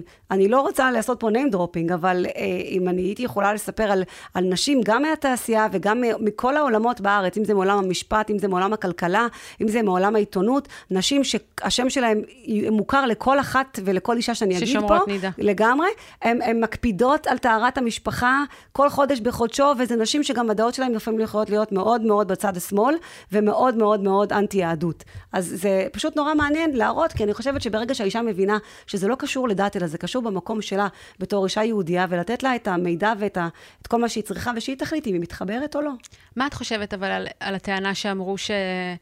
זה לא בסדר למסחר שום דבר שקשור לדת. זאת אומרת, יש כאלה שאמרו שיש בעיה מוסרית, פה, אם בכלל לתת כסף הנקודה, על זה. הנקודה היא שאין פה עניין של מסחרה. אני לא רואה שאף אחד ישקיע היום שעות בימי צילומים, אה, ויבוא, אה, ויתלבש ויתאפר וישקיע, ולא יקבל על זה תמורה. זאת אומרת, התמורה הייתה עבור ההשקעה של הזמן שלהם ולא על התוכן שהם יגיעו. אני גם חושבת שברגע שכולם יצפו בסרטונים, אתם קצת תהיו מופתעות. כי קודם כל, יעל בר זוהר לא חשפה שום דבר ממה שהיא עושה, היא בעצם ראיינה. אה, מיכל אנסקי סיפרה על חוויית טבילה שלה לפני החתונה. זאת אומרת, זה לא, לקחו את שי מיקה שהיא באמת טובלת, והפכו את זה כאילו כל הסרטונים משכנעים על נידה. שי מיקה חברנו אליה בגלל שראינו את המעורבות שלה בעולם הזה, וכמה היא בתור אישה לא דתייה, כאילו בוא נגיד מעודדת ואוהבת את המקווה. אז בגלל זה התחברנו אליה, ולא הפוך. זאת אומרת, זה, זה בעצם היה החיבור.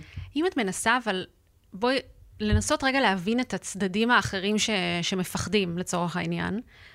את חושבת, יש משהו בך שמצליח להתחבר על זה שיש אלמנטים מסוימים בדת אה, שהם כן אה, מזיקים לנשים, או אפילו אולי לא מובנים כהלכה, ובגלל זה חושבים שהם מזיקים לנשים? זאת אומרת, לגמרי. מצליחה? לגמרי. בגלל בגלל זה אנחנו הקמנו את שעשני אישה. אני חושבת שכל השיח הזה שדיברנו עליו, של הנידוי והנידה והטומאה, זה הכל שיח שהוא לא נכון. הוא מגיע ממקום שאנחנו לא מבינים את המילים שאנחנו אומרות, והיהדות, להפך, היהדות מחזיקה את האישה במקום הכי גבוה. האישה היא הרבה יותר נעלית ורוחנית מהגבר. האישה היא כתר על הראש של בעלה. זה לא מגיע ממקום שמקטין אותה, להפך, זה מקום שמאוד מאוד מגדיל אותה ונותן לה את כל הכוח בידיים שלה. ובגלל זה אני אומרת, אני לא רואה את זה במקום ש, אה, שמקטין, ואני גם לא קוראת לזה מסחרה. אז את יודעת, היה נראה, באמת, היה המון כתבות על הדברים האלה בימים האחרונים, וזה נראה לי, את עוד לא סיימת את הגל. כן. וזה היה נראה שאת לא כל כך מתרגשת מזה, אפילו מאוד הרשים אותי שאת שיתפת בסטורי שלך חלק מהכתבות ו- וכאלה.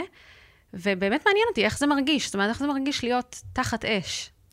אני חושבת שזה מרגיש לי מצד אחד אה, מקום של החמצה, כי אני חושבת שאנחנו באמת באנו פה עם, אה, עם פרויקט כל כך אה, יפה, עם כל כך הרבה ידע, ולקחו את זה כאילו למקום מאוד לא רלוונטי. כל השיח הזה על משפיעניות ועל כסף, הוא פשוט חוטא לכל המטרה. וזה בעיקר, זה הנקודה שבעיקר מכעיסה אותי. מה גם שאני לא אכנס לזה פה, אבל היה הרבה מאוד אי דיוקים בכל הדברים שנאמרו בכתבות האלה, ו- ואני חושבת שהיה מקום לעיתונאים שמגדירים את עצמם עיתונאים במלוא מובן המילה, לבדוק לבדוק לפני שהם זורקים וכותבים ובכלל מבינים על מה הם מדברים. כי אני בטוחה שכל מי שצפה בסרטונים לא יכל להגיד ששילמנו להם בשביל שהם יגידו שהם שומרות נידה, כי זה ממש לא נכון. אני רוצה רגע לשאול אותך על הווסת, כי אנחנו מדברות פה על לשמור נידה וזה, כן. אבל בואי נדבר רגע על וסת. עוד אש אחת שהייתה בימים האחרונים, זה שיצאה פרסומת של מודי בודי. את אה, ראית את זה, ששם הם בעצם עשו פרסומת שממש רואים בדם, כי עד היום באמת אה, היה בעיקר סימן כחול כזה, ונשים מחייכות. והיה, את יודעת, שתי מחנות בנושא הזה. מחנה אחד זה איזה יופי, סוף סוף מראים את זה, כמו שזה מחנה אחר. מה אני צריך לראות את זה? מה, אתם תראו לי קקי של תינוק ב... לצורך העניין. ומעניין אותי, איפה את uh, נמצאת בדיון הזה? אז האמת שבגלל כל הסערה שמתחוללת אצלי, לא כן. ממש, אה, לא, לא ממש הסתכלתי, לא אוקיי. ראיתי גם את הפרסומים. אמ, אז בגלל זה כאילו קשה לי להגיב על זה, אבל אני מנסה להבין מה, מה עומד האם, מאחורי הקמפיין הזה, כן, מה הם רוצים. האם את חושבת, לא, הן רוצות לנרמל, הן רוצות שנפסיק uh, להעמיד פנים.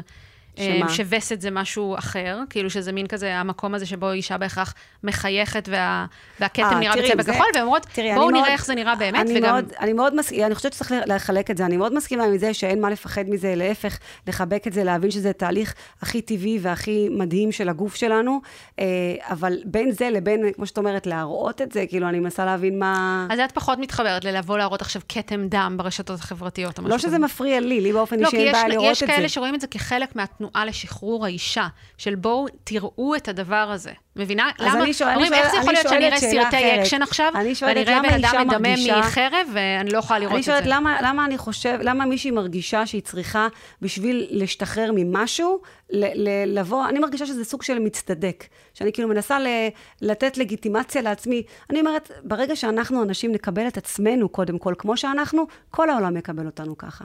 כן, ואת לא, אומרת, לא צריך לעשות את זה בחוץ. אני לא צריכה, את יודעת, כל הדיבור היום על, על, על, על שיח שלה, של אני רוצה להיות כמו, ואני חושבת שזה מאוד לא מכבד את כל אישה באשר היא. כן. תשמעי, אבל אי אפשר להתעלם מזה שלפני שנים אה, שהם שרפו חזיות, זה מה שמאפשר לנו לא היום להצביע. על, ו... אני לא מדברת על שוויון במעמד כלכלי, כן. אני לא מדברת על שוויון בהצבעה, זה ברור שאין מה לדבר עליו, וזה ברכה וזה חובה, שאישה תרוויח כמו גבר, אה, אם לא יותר, ו, וכל הדברים האלה, ברור, ברור, ברור. אני לא מדברת על זה מהמקום הזה.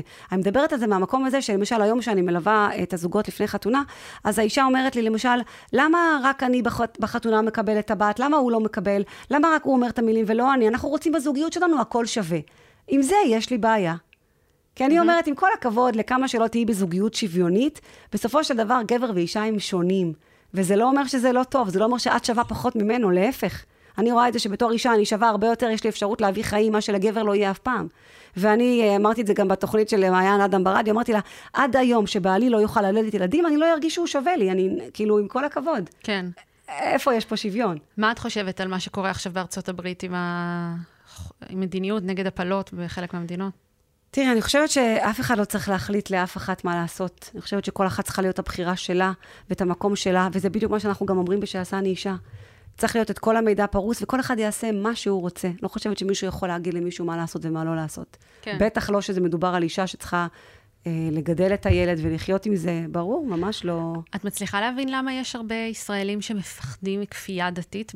באיך שהמדינה שלנו בנויה? אני אגיד לך, אני חושבת שאני מבינה את זה מאוד, וזה מגיע מהמקום, ואני גם לא מאשימה אותם, אני חייבת לציין, כי זה מגיע מהמקום שה, שהדברים נאמרים ואיך שהם נאמרים, ומה שבעצם מוצג לנו בתקשורת, תמיד מוצגים מהנקודות קיצון, זה יהיה גם, גם לפה וגם לשם, ו, וכן, אני חושבת שברגע, שידעת, הרבה פעמים שאנשים פוגשים אותי ומדברים איתי, אומרים לי, וואו, אף פעם לא פגשתי מישהי דתייה שהיא כזאת כזאת פתוחה וזורמת, ואפשר לדבר איתה על הכל, ואני אומרת, אני חושבת שרובנו כאלה. רובנו כאלה, זה פשוט, אנחנו תמיד פוגשים את הנקודות קיצון, את הכי קיצוניים, ו- וזה לא נכון, ומבחינתי, לא, האנשים האלה שאת מדברת עליהם, או הדעות האלה, לא מייצגות את היהדות. אף אחד לא יגיד לך מה כן לעשות ומה לא לעשות, ו- ו- ואיך לגעת ולא לגעת. כל אחת תתחבר לזה מהמקום שלה, מאיך שהיא רואה את זה, אבל הכי חשוב לי שהיא תקבל את, את המידע הזה ממקום מדויק ונכון. את מאמינה שכמה שיותר נשים בישראל שישמרו נידה, זה ישנה את המצב של המדינה שלנו, לא רק את המשפחות. בטח, אני חושבת ששמירת טהרה היא, היא לא רק על... זה נקרא טהרת המשפחה ולא טהרת האישה. למה? כי כמו שדיברנו מקודם, זה משפיע על הכל ביחד. ואין ספק שזה גם משפיע, את חלק מעם ישראל, אף אחד יהודי הוא לא, הוא לא בן אדם אחד פרטי, הוא חלק מ, מ, מ, מסך הכל. וכל דבר טוב אה, שיהודי עושה, זה מביא עוד יותר אור בעולם. אישה אישה באמונתה תחיה. ועכשיו נשמע מאחת הנשים שמאחורי הקמפיין של מודי בודי. אני ליבי טישלר, אני אשת קריאיטיב ואסטרטגיה, ואני מאוד אוהבת לעשות פרויקטים שמחוברים גם למספרים, אבל בעיקר ללב. אז את מהיוצרות של הפרסומת לאחרונה שעוררה גלים של מודי בודי, נכון? מודה באשמה? סלאש בקרדיט? אני מודה באשמה של uh, מודי בודי. מודי בודי, סליחה. אז רגע, את יכולה לשתף את זה רגע, את המעורבות שלך בקמפיין? כן, אה, מודי, בוג, מודי בודי זה מותג בינלאומי לתחתוני מחזור, והזכיינים הישראלים שהם אה, זוג בשם איתמר וחן, אה, יש להם מנהלת שיווק בשם רוני בארי, מאוד מאוד מוכשרת, והיא קראה לי כדי לבוא ולעשות משהו שישאיר חותם. התפקיד שלי הוא תפקיד של אסטרטגיה וקריאייטיב, כלומר, אני באה ומסתכלת גם על המותג, גם על השוק, גם על כל ההקשרים האפשריים מבחינת תזמון ותוכן, וממליצה מה כדאי לעשות מבחינה אסטרטגית, נניח. לדוגמה, יכולנו להגיד אסטרטגית שאנחנו התחתון הכי נוח, או התחתון שהכי שומר על קיימות. אבל עשינו בחירה אסטרטגית אחרת. נכון. ומאיפה זה הגיע? זה הגיע ממבט מאוד מושכל על, על המצב בישראל, מבחינת שוק תחתוני המחזור ושוק אביזרים לווסת, וגם ביחס למותג עצמו, לערכים, ובעיקר זה הגיע מהבני ובנות אדם שמאחורי המותג, שזה באמת מה שחשוב להם. חשוב להם לקדם ערכים של שוויון, שוויון מגדרי, ושל איכות חיים, ושל קיימות, ובחרנו ללכת על האסטרטגיה, מבחינה אסטרטגית, על פוקוס לנרמול של השיח בנושא הווסת שלנו, המחזור בכלל והווסת בפרט. אז את יודעת, הרשת התחלקה לשני מחנות בולטים. מחנה אחד, סוף סוף אנחנו מראים את הדם שלנו, אנחנו מפסיקות להתבייש. והמחנה השני, למה אתם מראים לנו את זה? למה לא להראות קקי של תינוקות? מה ההבדל? ומעניין אותי, מה, מה העמדה שלך בנושא? איך את uh, בעצם מגיבה למחנות הללו? התגובה שלי היא שאין מחנות. Mm-hmm. יש בחירה, וזו המטרה של הקמפיין. זה אומר שמי שעד עכשיו היה להם נוח לראות uh, דם כחול, ולא לגעת בנושא הזה, יכולים להמשיך ולבחור במותגים שימשיכו לעשות את זה. זה בסדר גמור, וזו בחירה אישית.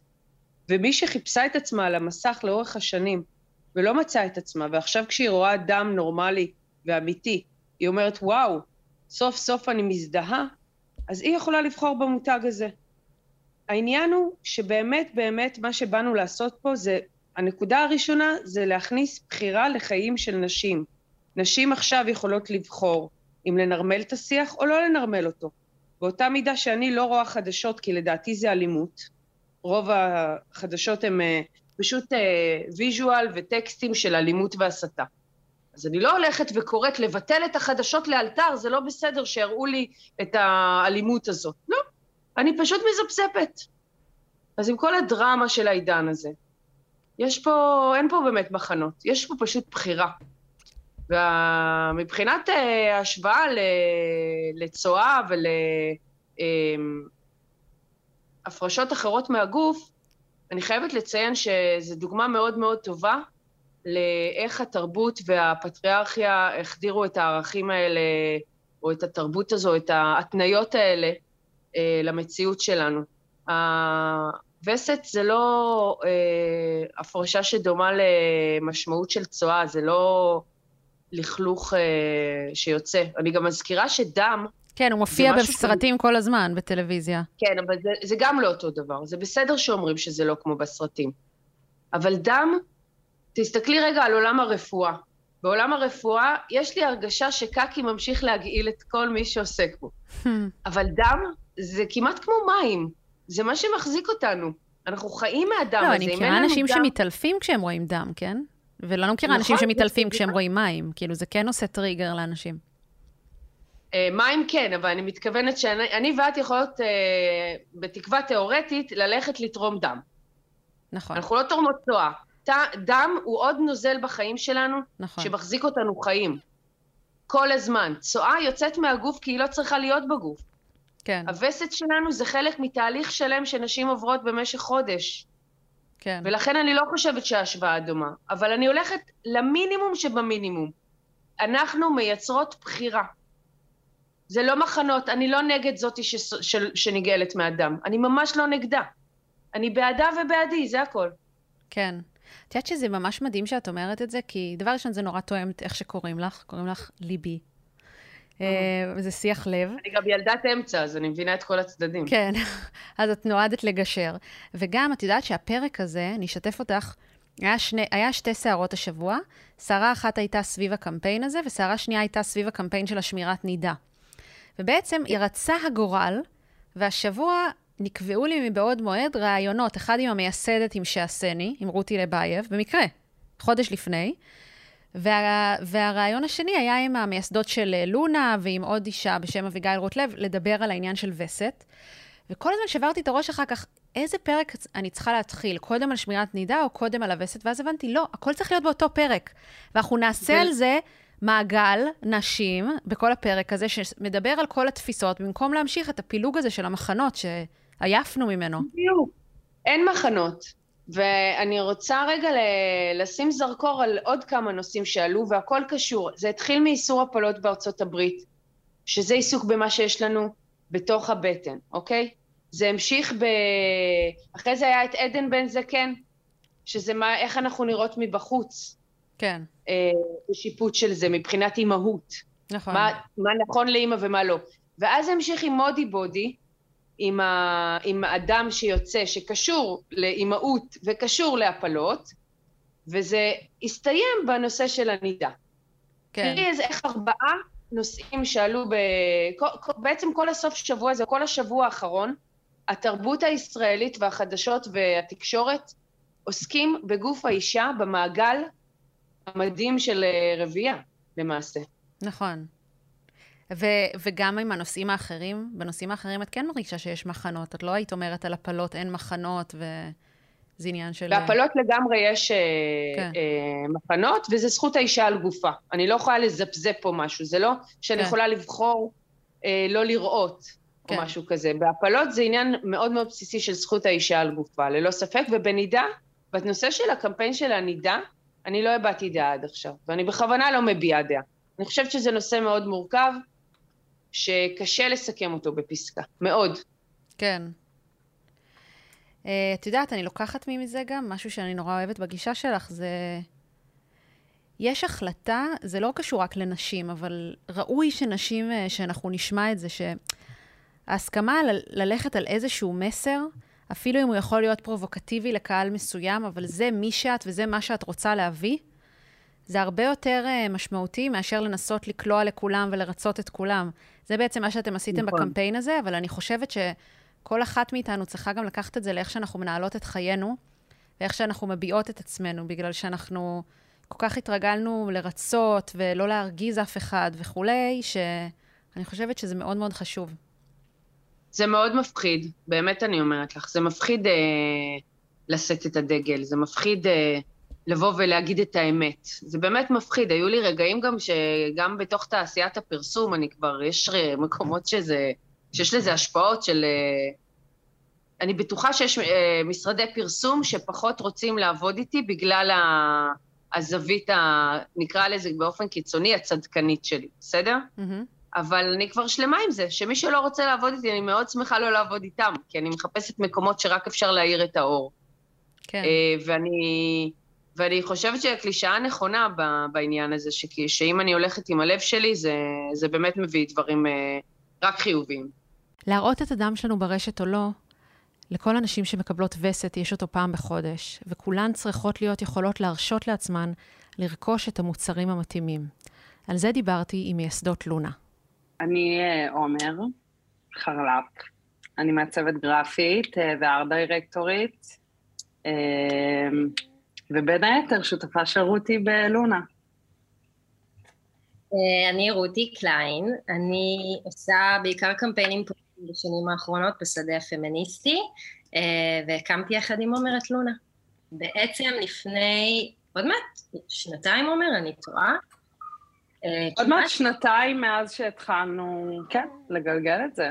אז לפני שנתיים בעצם היינו בעיצומם של סגרי קורונה, אה, ומתוך, אה, לא נעים לומר איזשהו שעמום וגלישה אינטנסיבית באינטרנט, אני נחשפתי למונח period poverty פעם ראשונה, שבעצם מדבר על תופעה שקורית בכל העולם של נשים, נערות וטרנסים שבעצם לא יכולות להרשות לעצמן מוצרי מחזור, כי הם או יקרים מדי, שזו תופעה שאנחנו מכירות ומדברות עליה הרבה, או כי ממש אין להם נגישות פיזית אל המוצרים, אה, או בגלל סטיגמה וטאבו שאנחנו כל כך לא מדברות על וסת ומחזור, שהיה להם חסר ולא היה להם נעים לבקש, והם נכנסו ככה ללופ של חוסר הישג של המוצרים. אה, התחלתי לדבר על זה עם עומר, אני ועומר חברות מהתיכון, ואמרנו בואו נבדוק מה קורה עם זה פה בארץ. חיפשנו בגוגל, המונח בכלל לא קיים בעברית, לא מדובר בעברית, התחלנו לפנות לארגוני סיוע שעובדים עם נשים שחיות בעוני, לשאול אם ביקשו מהם אי פעם פדים, תחבושות. בהתחלה כולם אמרו שלא, ותרבות של סולידריות, ש... מחלקות סלי מזון בכל הארץ, אמרו, יש לנו שירות שאנחנו ממש מדברות עם המשפחות פעם בשבוע, נשאל אותם, נראה אם אולי מישהי תגיד פתאום שהיא צריכה. שבוע הראשון באמת כולן אמרו שהן לא צריכות, שבוע אחרי זה כבר היו מעל 200 פניות של נשים שאמרו, האמת שנשמח אם אתן יכולות בכל זאת להשיג לנו. אה, כי מסתבר שיש בושה להודות בזה? כן, זה כל כך לא מדובר, גם לפחות כשאנחנו גדלנו, גם ממש בקושי בבתים, ו... אז ממש יש איזושהי בושה להגיד, בכלל לדבר על מחזור, ואז עוד להגיד, יש לי מחסור בהקשר לזה, זה כמו בושה על בושה. אז זה היה נורא מפתיע, והיום, שנה וחצי, כמעט שנתיים אחרי זה, יש לנו כבר מעל עשרת אלפים נשים שאנחנו מעבירות להן מוצרי מחזור, עובדות עם מעל 40 ארגוני סיוע, ממש נשים בכל הארץ, וגם נשים בזנות, מבקשות מקלט, דרות רחוב, אימהות חד-הוריות, נערות בסיכון, אסירות משוחררות, יש באמת נשים מכל הארץ שהמוצרים האלה פשוט יקרים מדי עבורן, ואנחנו היום יודעות לומר די בביטחון שכל אישה שחיה בעוני בעצם מתקשה לרכוש את המוצרים האלה, ומתעדפת אותם פחות, לעומת... ואז מה, מה הן עושות? שמות נייר טואלט? כאילו, מה, מה קורה בתחליף למי שאין? נייר טואלט, בדים, עיתונים, עוד תחתונים. וואו, מטורף. לא יוצאות מהבית. עיתונים זה הכי מטורף ששמעתי. כן, זה גם ממש מה שבעצם מרחיק הרבה מאוד אה, נשים מהמרחב הציבורי ושוק התעסוקה ונערות מבית ספר, כאלו שלא רוצות לשים אה, בדים או נייר טואלט, אז הרבה פעמים לא יוצאות מהבית פשוט. כן. אה, ממש מייצ... משמר את הפערים האלה. אז בואו נדבר באמת קצת על נתונים, גם מה היוקר מוצרים בארץ לעומת העולם, ומה המדיניות הציבורית של מימון המוצרים לפני שאתן מתחילות להיות מעורבות? אמ, אז, אז באמת, אה, אם אנחנו חוזרות להקמה של לונה בהקשר לזה, אז הקמנו את הרשת תרומות, אבל ידענו שזה איזשהו פתרון פלסטר שאנחנו לא מסתפקות בו, ומאוד היה חשוב לנו ככה גם להבין מה צריך לעשות מבחינת מדיניות כדי לשנות את המצב הזה. אה, גילינו שבאמת בארץ המוצרים יקרים בממוצע ב-14% משאר העולם, בקטגוריות מסוימות כמו טמפונים זה גם מגיע עד 60 אחוז של פערי מחירים משאר העולם. וואו. כן, זה ממש פערים מטורפים וכואבים מאוד, אמ, וגם שבאמת לא נעשה שום מחקר בארץ אף פעם על האם המוצרים יקרים מדי, מה זה אומר, מה זה אומר עבור נשים שחיות בעוני, אמ, ואנחנו ממש מתרגשות לומר שבשנה וחצי האחרונה אנחנו עובדות מאוד צמוד עם משרד הכלכלה, אה, ועכשיו ממש בשבועות הקרובים עומד לצאת סקר ראשון בישראל שבאמת בודק אה, האם המוצרים יקרים מדי, האם נשים חוות מחזור העוני בארץ וכמה, אה, ויהיה לנו תשובות ממש עוד כמה חודשים. את אומרת שיש איזושהי נכונות של משרד הכלכלה לעשות משהו בנושא, אבל זה עוד לא קרה. בעצם עברנו אה, אה, הרבה משוכות, אה, הרבה דלתות נסגרו לנו בפנים, אה, כמו המשרד לשוויון חברתי, אה, ניסינו בכל מיני דרכים אה, אה, להצליח אה, להיכנס פנימה, והאמת שעד אה, שהשר הכלכלה לא הפך לשרה, אה, לשרה אורנה ברביבאי, אז גם ממש אה, תשומת לב, זאת אומרת, עמיר פרץ לא הסכים לפגוש אותנו. למה? אה, איך הגיבו על זה בהתחלה? כאילו, מה הסוג תגובות שאתן מקבלות כשאתן מדברות עם גורמים כאלה? שבארץ אה, לא, בהתחלה דרשנו סבסוד של המוצרים, כי מדובר במוצרי בסיס לכל דבר, בכל בית בישראל בעצם, אה, ואז נאמר לנו שהמשרד לא מסבסד יותר ולא מאמין בפתרונות האלה, והפתרון היחיד הוא תחרות, וזה מה שנעשה עכשיו, והכל בסדר. וואי, איזה תשובה, איזו תשובה קרה. כאילו, הקפיטליזם כ... כאילו מונע מלראות בני אדם, מטורף. ממש לומר, זה המנגנון, זאת המערכת, ורק ככה היא עובדת. כן. זה היה מאוד מדכא, אבל אז באמת השרה אורנה ברביבאי מאוד הפתיעה אותנו, כי ממש היה לה עניין אישי בזה, והיא רצתה לדעת, והיא פתאום הבינה, היא מכירה, כשאומרים לה מוצר בסיס, היא מבינה מה זה אומר. כן. אה, אז היא מאוד נרתמה ואמרה, בואו נתחיל במחקר, ואז נתרגם את זה למדיניות מול משרד הבריאות ומול משרד הרווחה, אה, והיא צודקת, כי גם בכל המדינות בעולם שינוי מדיניות התחיל בעצם ממחקר. עשינו רעש ציבורי כשבעצם אה, בנט יצא עם רפורמת הפארם שלו, לפני שנה, שהוא ממש יצא בפוסטר ורוד, עם ליפסטיקים ומאסקרות, והוא הסביר שהוא הולך להוזיל את יוקר המחיה עבור נשים בישראל, דרך רפורמת הפארם, שעכשיו כל מוצרי האיפור יהיו זולים יותר, והדאודורנטים... מאסקרה, ליפסטיק. כן, כי זה מה שנשים צריכות. בוטם. עוד שנייה, עוד שנייה, בוטוקס, כאילו לכלול בזה. כן, הוא גם... בדיוק. כתבו את זה בוורוד, כדי שלא נפספס כן. עבורנו, הנשים. כן. אה, ואז עשינו... גם זה מין כזה רפורמת הפארם בשבילך, או חושבים עלייך. כן, כמו הדברים האלה, הפעילויות האלה של יום האישה הבינלאומי, שזה כזה מציעים לך את ה... בדיוק. כן, כזה. כן, עושים שפעת במקור לכל נשות המשרד. כן. אז לא, אז אז ממש עשינו רעש, זאת אומרת, עשינו רעש גם ברשתות וגם בתקשורת, וככה השגנו, האמת, את הפגישה עם שרת הכלכלה.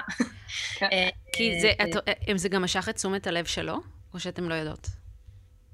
אמ, אנחנו יודעות שזה משך את הלב של שר האוצר של ליברמן אמ, ושל שרת הכלכלה, כי אני יודעת שהם דיברו על זה בעקבות התקשורת שנעשתה בנושא, כי באמת העלינו את האבסורד, אמרנו, קראנו לזה שפתון במקום טמפון, ועל העובדה שלא באמת מבינים מה אנחנו צריכות, אה, וטמפונים נכנסו לרפורמה בזכות זה. וואו. אה, ככה שממש הייתה לזה תוצאה ממש אה, משמחת מבחינת מדיניות. אז אני למדתי ממכן שה-28 למאי זה יום הווסת הבינלאומי, שאני לא מאמינה שלא ידעתי את זה, כי זה בהחלט חג שהייתי רוצה לחגוג. אני חושבת ש... דבר ראשון, יש היגיון מאחורי מהתאריך הזה. זה כאילו, בגלל הסימבוליות של כל 28 יום בממוצע יש מחזור, ובממוצע חמישה ימים ב... בכאילו... אה, לא ידעתי, בסקס. גדול. כן, אז כן. זה כאילו הסימבוליות. אה, אז אם אני הייתי אה, צריכה, היה קוראים לזה כזה 32-7, כאילו. כל אחת צריכה לעשות את התאריך שלה כזה. האמת שזה מגניב לחגוג את המחזור שלך. כן. קוסטיום. נכון. ממש. למרות שייצא מספרים גם שלא קיימים, כי נגיד אין 32 ימים בחודש וזה, אבל נכון. נכון. אמ, אבל uh, בגדול, ממה שאנחנו רואות, זה יום שפשוט מעלים מאוד מודעות uh, לעניין, לתופעת uh, מחזור העוני, uh, לזה שבאמת uh, יש גם טרנסים שמקבלים מחזור, כאילו, זה ממש יום שמעלים בו הרבה מודעות לכל המגוון של הנושאים שיש תחת מחזור. ואתם אתם עשיתם תערוכה של וסת, נכון? איך זה היה נראה? זה היה מהמם, האמת. לא ידענו מה, מה הולך להיות, ו... וגם זה התחיל בזה שפשוט אה, הרבה אה, אומנים ואומנויות ממש נרתמו אה, לתרום עבודות שקשורים ב, במחזור, בסייקל, בנשיות, בכאילו כל דבר שהאינטרפטציה שלהם. אה, והגיעו מלא מלא מלא אנשים לחגוג מחזור, לחגוג אה, כאילו דם אה, ולנרמל את הנושא הזה, שזה היה די מטורף, כי כאילו לא ממש קרה דבר כזה לפני. באמת קטע פה. זה ש... שנרמול זה, זה באמת מילת המפתח פה. ב... זה יכול להשפיע גם על המערכת יחסים של כל אחת מאיתנו, על הגוף שלה, גם על מדיניות ציבורית, כמו שאתן אומרות. ואתן עושות את העבודה הזאת גם בעמוד אינסטגרם שלכן. אמ, אז רציתי נכון. קצת שתשתפו מהניסיון שלכם בזה, מלשתף תמונות עם כתמי דם, ומה אתן רואות שזה עושה בשטח בפועל.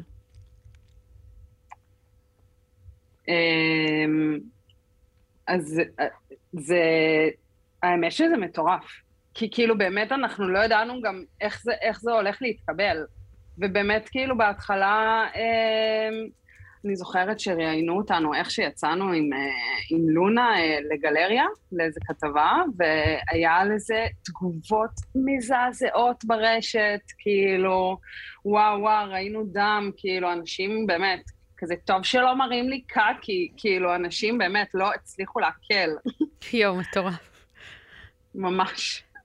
אה, ו- ולאט לאט, כאילו, אני חושבת שבנינו את זה לאט לאט, כאילו, לא ישר שמנו דם, לא ישר, כאילו, כזה, בנינו את המודעות לאט, ובסופו של דבר, כשאנחנו מעלות עכשיו, כאילו, פה ושם, אנחנו מעלות פוסטים של דימומים, שבנות שולחות לנו, ו- וכאילו, מכל העולם גם, כאילו, ו- ואת רואה איך זה אהדה מטורפת. כאילו, בנות עפות על זה. את יודעת, היה בזמנו, רופי קאור העלתה תמונה שלה עם uh, וסת, ואז uh, דיווחו על זה ואינסטגרם הורידו, והיא כתבה פוסט מאוד מאוד זועם על זה, ובאמת החזירו את התמונה. אז uh, יש לנו עדיין עוד דרך ללכת שם, אבל באמת אחד הדברים שיצא לי לדבר איתכן בשיחה המקדימה, שלכל אחת יש את הסיפור הזה של הכתם שהופיע פתאום, שהייתם איפשהו, והיא לא מספרת. וזה כאילו קורה לכולם. אני זוכרת שאני... לפני כמה שנים אה, הייתי בצוות הבוגר בצופים, והייתי אמורה להופיע בטקס יום הזיכרון, ואני שמה כזה את ה... אתם יודעות, את העמודים האלה של המילים שצריך להקריא, וזה היה בדיוק, שמתי את זה כזה מלפני המכנס, ופתאום אני רואה שמתחת לזה, באמת, בגודל של כאילו כדור טניס, ולא ידעתי מה לעשות עם עצמי. והשאלה, כאילו, בעולם uh, מתוקן, שהדבר הזה מנורמל, האם אנחנו רואות שיהיה בכלל סיטואציה שבה אני לא אמורה לעשות את זה בהיחווה? כי בכל זאת זה מחזה לא נעים לראות כתם דם למישהו, גם אם זה גבר וגם אם זה אישה. זאת שאלה אם זה מחזה לא נעים, כי קודם כל, חד משמעית, כולנו חוות את זה כמחזה לא נעים, וגם כל אחת וסיפורה על הפעם שלה היה הכתם, הוא סיפור כל כך טראומטי ביחס לפער ולעובדה שלכולנו יש אחד כזה, שזה כן. באמת משהו מטורף בדבר הזה.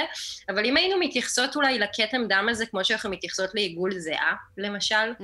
שאומר, משהו שאנחנו רואות הרבה, אולי הוא גם לא נעים, אנחנו לא רוצות כל כך לסובב עם, עם עיגולדים או עיגולי זיעה, איך שלא קוראות לזה, אבל זאת אומרת, אני חושבת שעם הזמן אנחנו כן נוכל להתייחס לזה אחרת, ואנחנו גם רואות תגובות בעמוד שלנו בסיפורים. למשל, מישהי אה, שלחה לנו תמונה שלה עם טייץ, אה, טייץ אה, יוגה שלה, עם כתם אה, מחזור מקדימה, מאחורה, ממש כתם, כתם וסת רציני, שהיא גילתה, קלטה רק באמצע השיעור שיש לה, ונורא הובכה וכמעט פרצה בבכי, ו...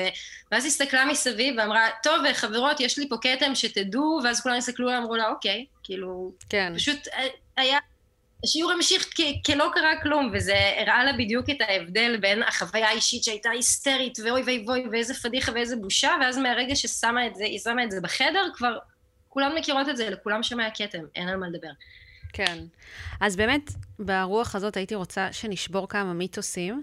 אה, דבר ראשון, מאוד מאוד אה, נהוג להגיד שווסת זה דבר נורא ודבר שנוא, ו... וזה הימים הכי גרועים בחודש של אישה. אה, ורציתי דווקא ללכת לזה אחרת, ושאנחנו נשתף כל אחת מה אתן אוהבות בווסת שלכן.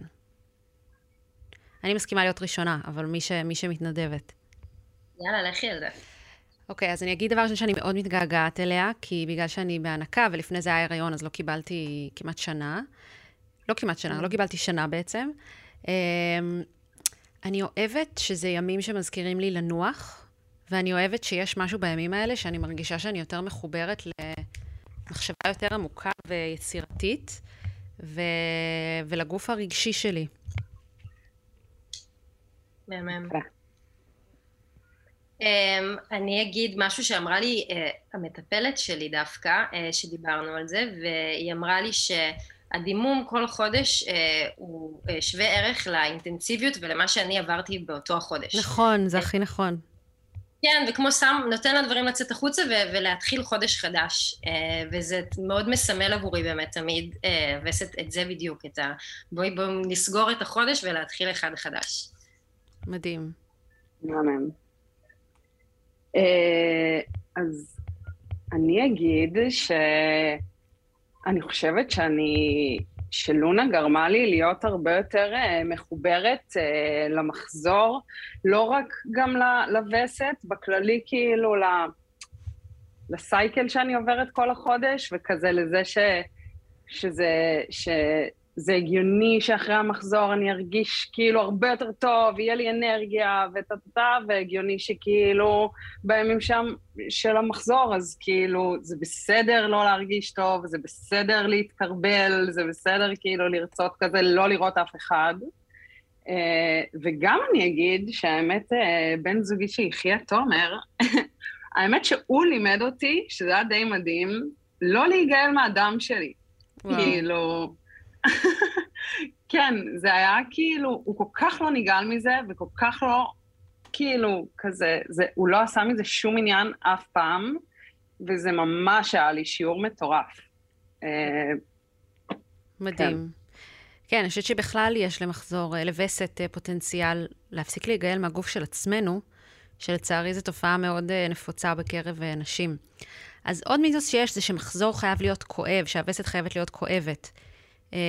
אני חוויתי כמה פעמים וסתות שלא היו כואבות, ומעניין אותי מה דעתכן על זה.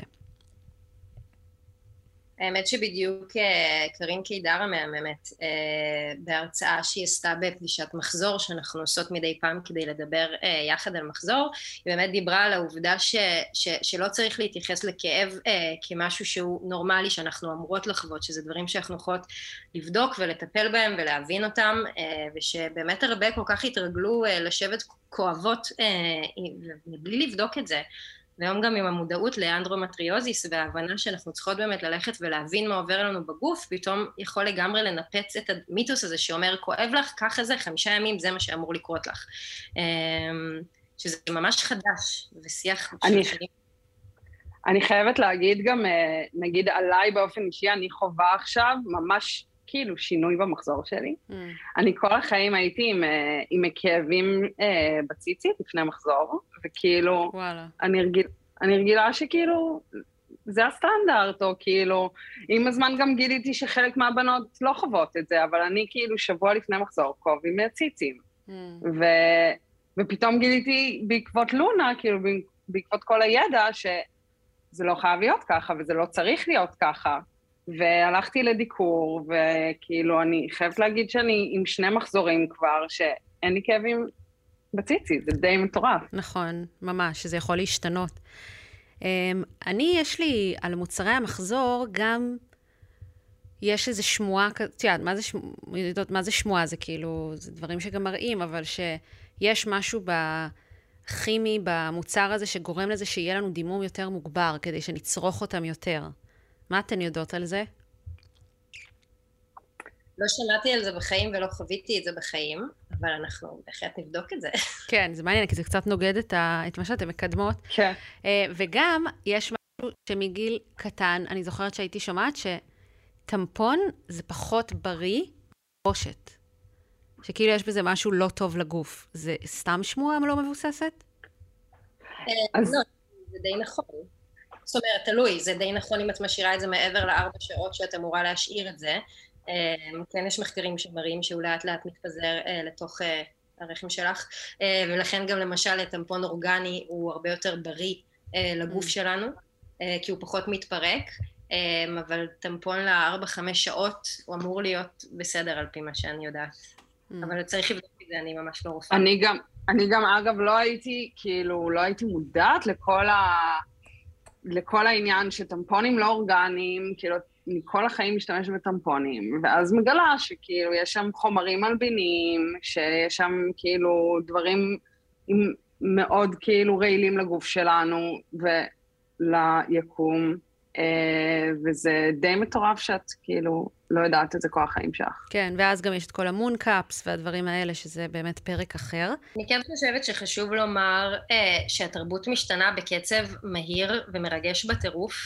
אמ, עומר קצת התחילה לדבר על מה אנחנו רואות בטלוויזיה, אנחנו תמיד אומרות שרייצ'ל ומוניקה לא היו מקבלות אה, וסת, והיו רק עצבניות ומטורפות אולי, ואולי במקרה הטוב אי אפשר היה לשכב איתן עכשיו כי אין במחזור, אמ, אבל עכשיו אנחנו רואות אה, גם באנטומיה של גריי, אחרי 18 עונות פתאום דיברו על וסת ואנדומטריוזיס, ובסקס והעיר הגדולה בחידוש דיברו פתאום על וסת, ובסדרות חדשות כמו Destroy You, טמפון עם דם מופיע בפריים, זאת אומרת אנחנו ממש רואות סרט של דיסני, Turning Red, כאילו... אנחנו רואות אה, שינוי מטורף, ועכשיו המדיניות צריכה להדביק את הפער הזה, אבל, אבל זה באמת ממש מרגש לראות איך כל השיח משתנה סביב הדבר הזה, ואנחנו ככה מאוד אופטימיות.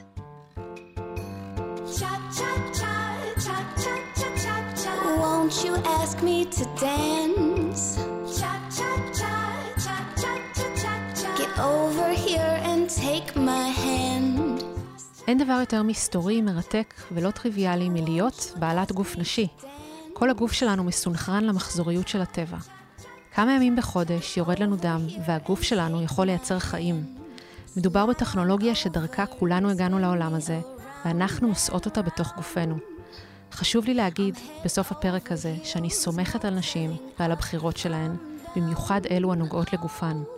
אני סומכת על כל אישה שבוחרת לסיים הריון, או להכיר את העונג שלה בווסת, או לשמור נידה, או לקיים יחסי מין דווקא במהלך הווסת, או להראות את הדם שלה בציבור, או להסתיר אותו לגמרי. כל אישה שנזכרה שמדובר בגוף שלה, שהיא זאת שמקבלת את ההחלטות, והיא יודעת, אני סומכת עלייך. לכולנו מגיע לחוות את הווסת שלנו בדיוק איך שאנחנו רוצות, ולכולנו מגיע את המוצרים הבסיסיים כדי לטפל בעצמנו בתקופה הזו. הסוכנות שלנו על גופנו זה המאבק הכי חשוב שאנחנו צריכות להוביל, כי הוא הבסיסי ביותר, וממנו נובע הכל. תודה שהייתם איתנו. לתיאור הפרק אני מצרפת קישור להזמנת הספר שלי, אישה חיה, שמדבר על תהליך אישי של גילוי המיניות ויחסים בין גברים ונשים, ומגיע גם בגרסת אודיו, שזה ממש כמו להאזין לפודקאסט הזה. הספר מגיע עם חוברת שכל המטרה שלה זה לעורר אנשים להביא את הקול שלהם לידי ביטוי. תודה לכל הנשים שהשתתפו בשיחה הזאת, למדתי כל כך הרבה מנקודת המבט של כולכן. תודה לאלון עיני על העריכה, וגם על זה שאתה אוהב את הווסת שלי. אתם מוזמנים להצטרף לקבוצת הפייסבוק שלנו משחקות באש, ולהמשיך את הדיון על יחסים, גברים, נשים ומיניות. I'm.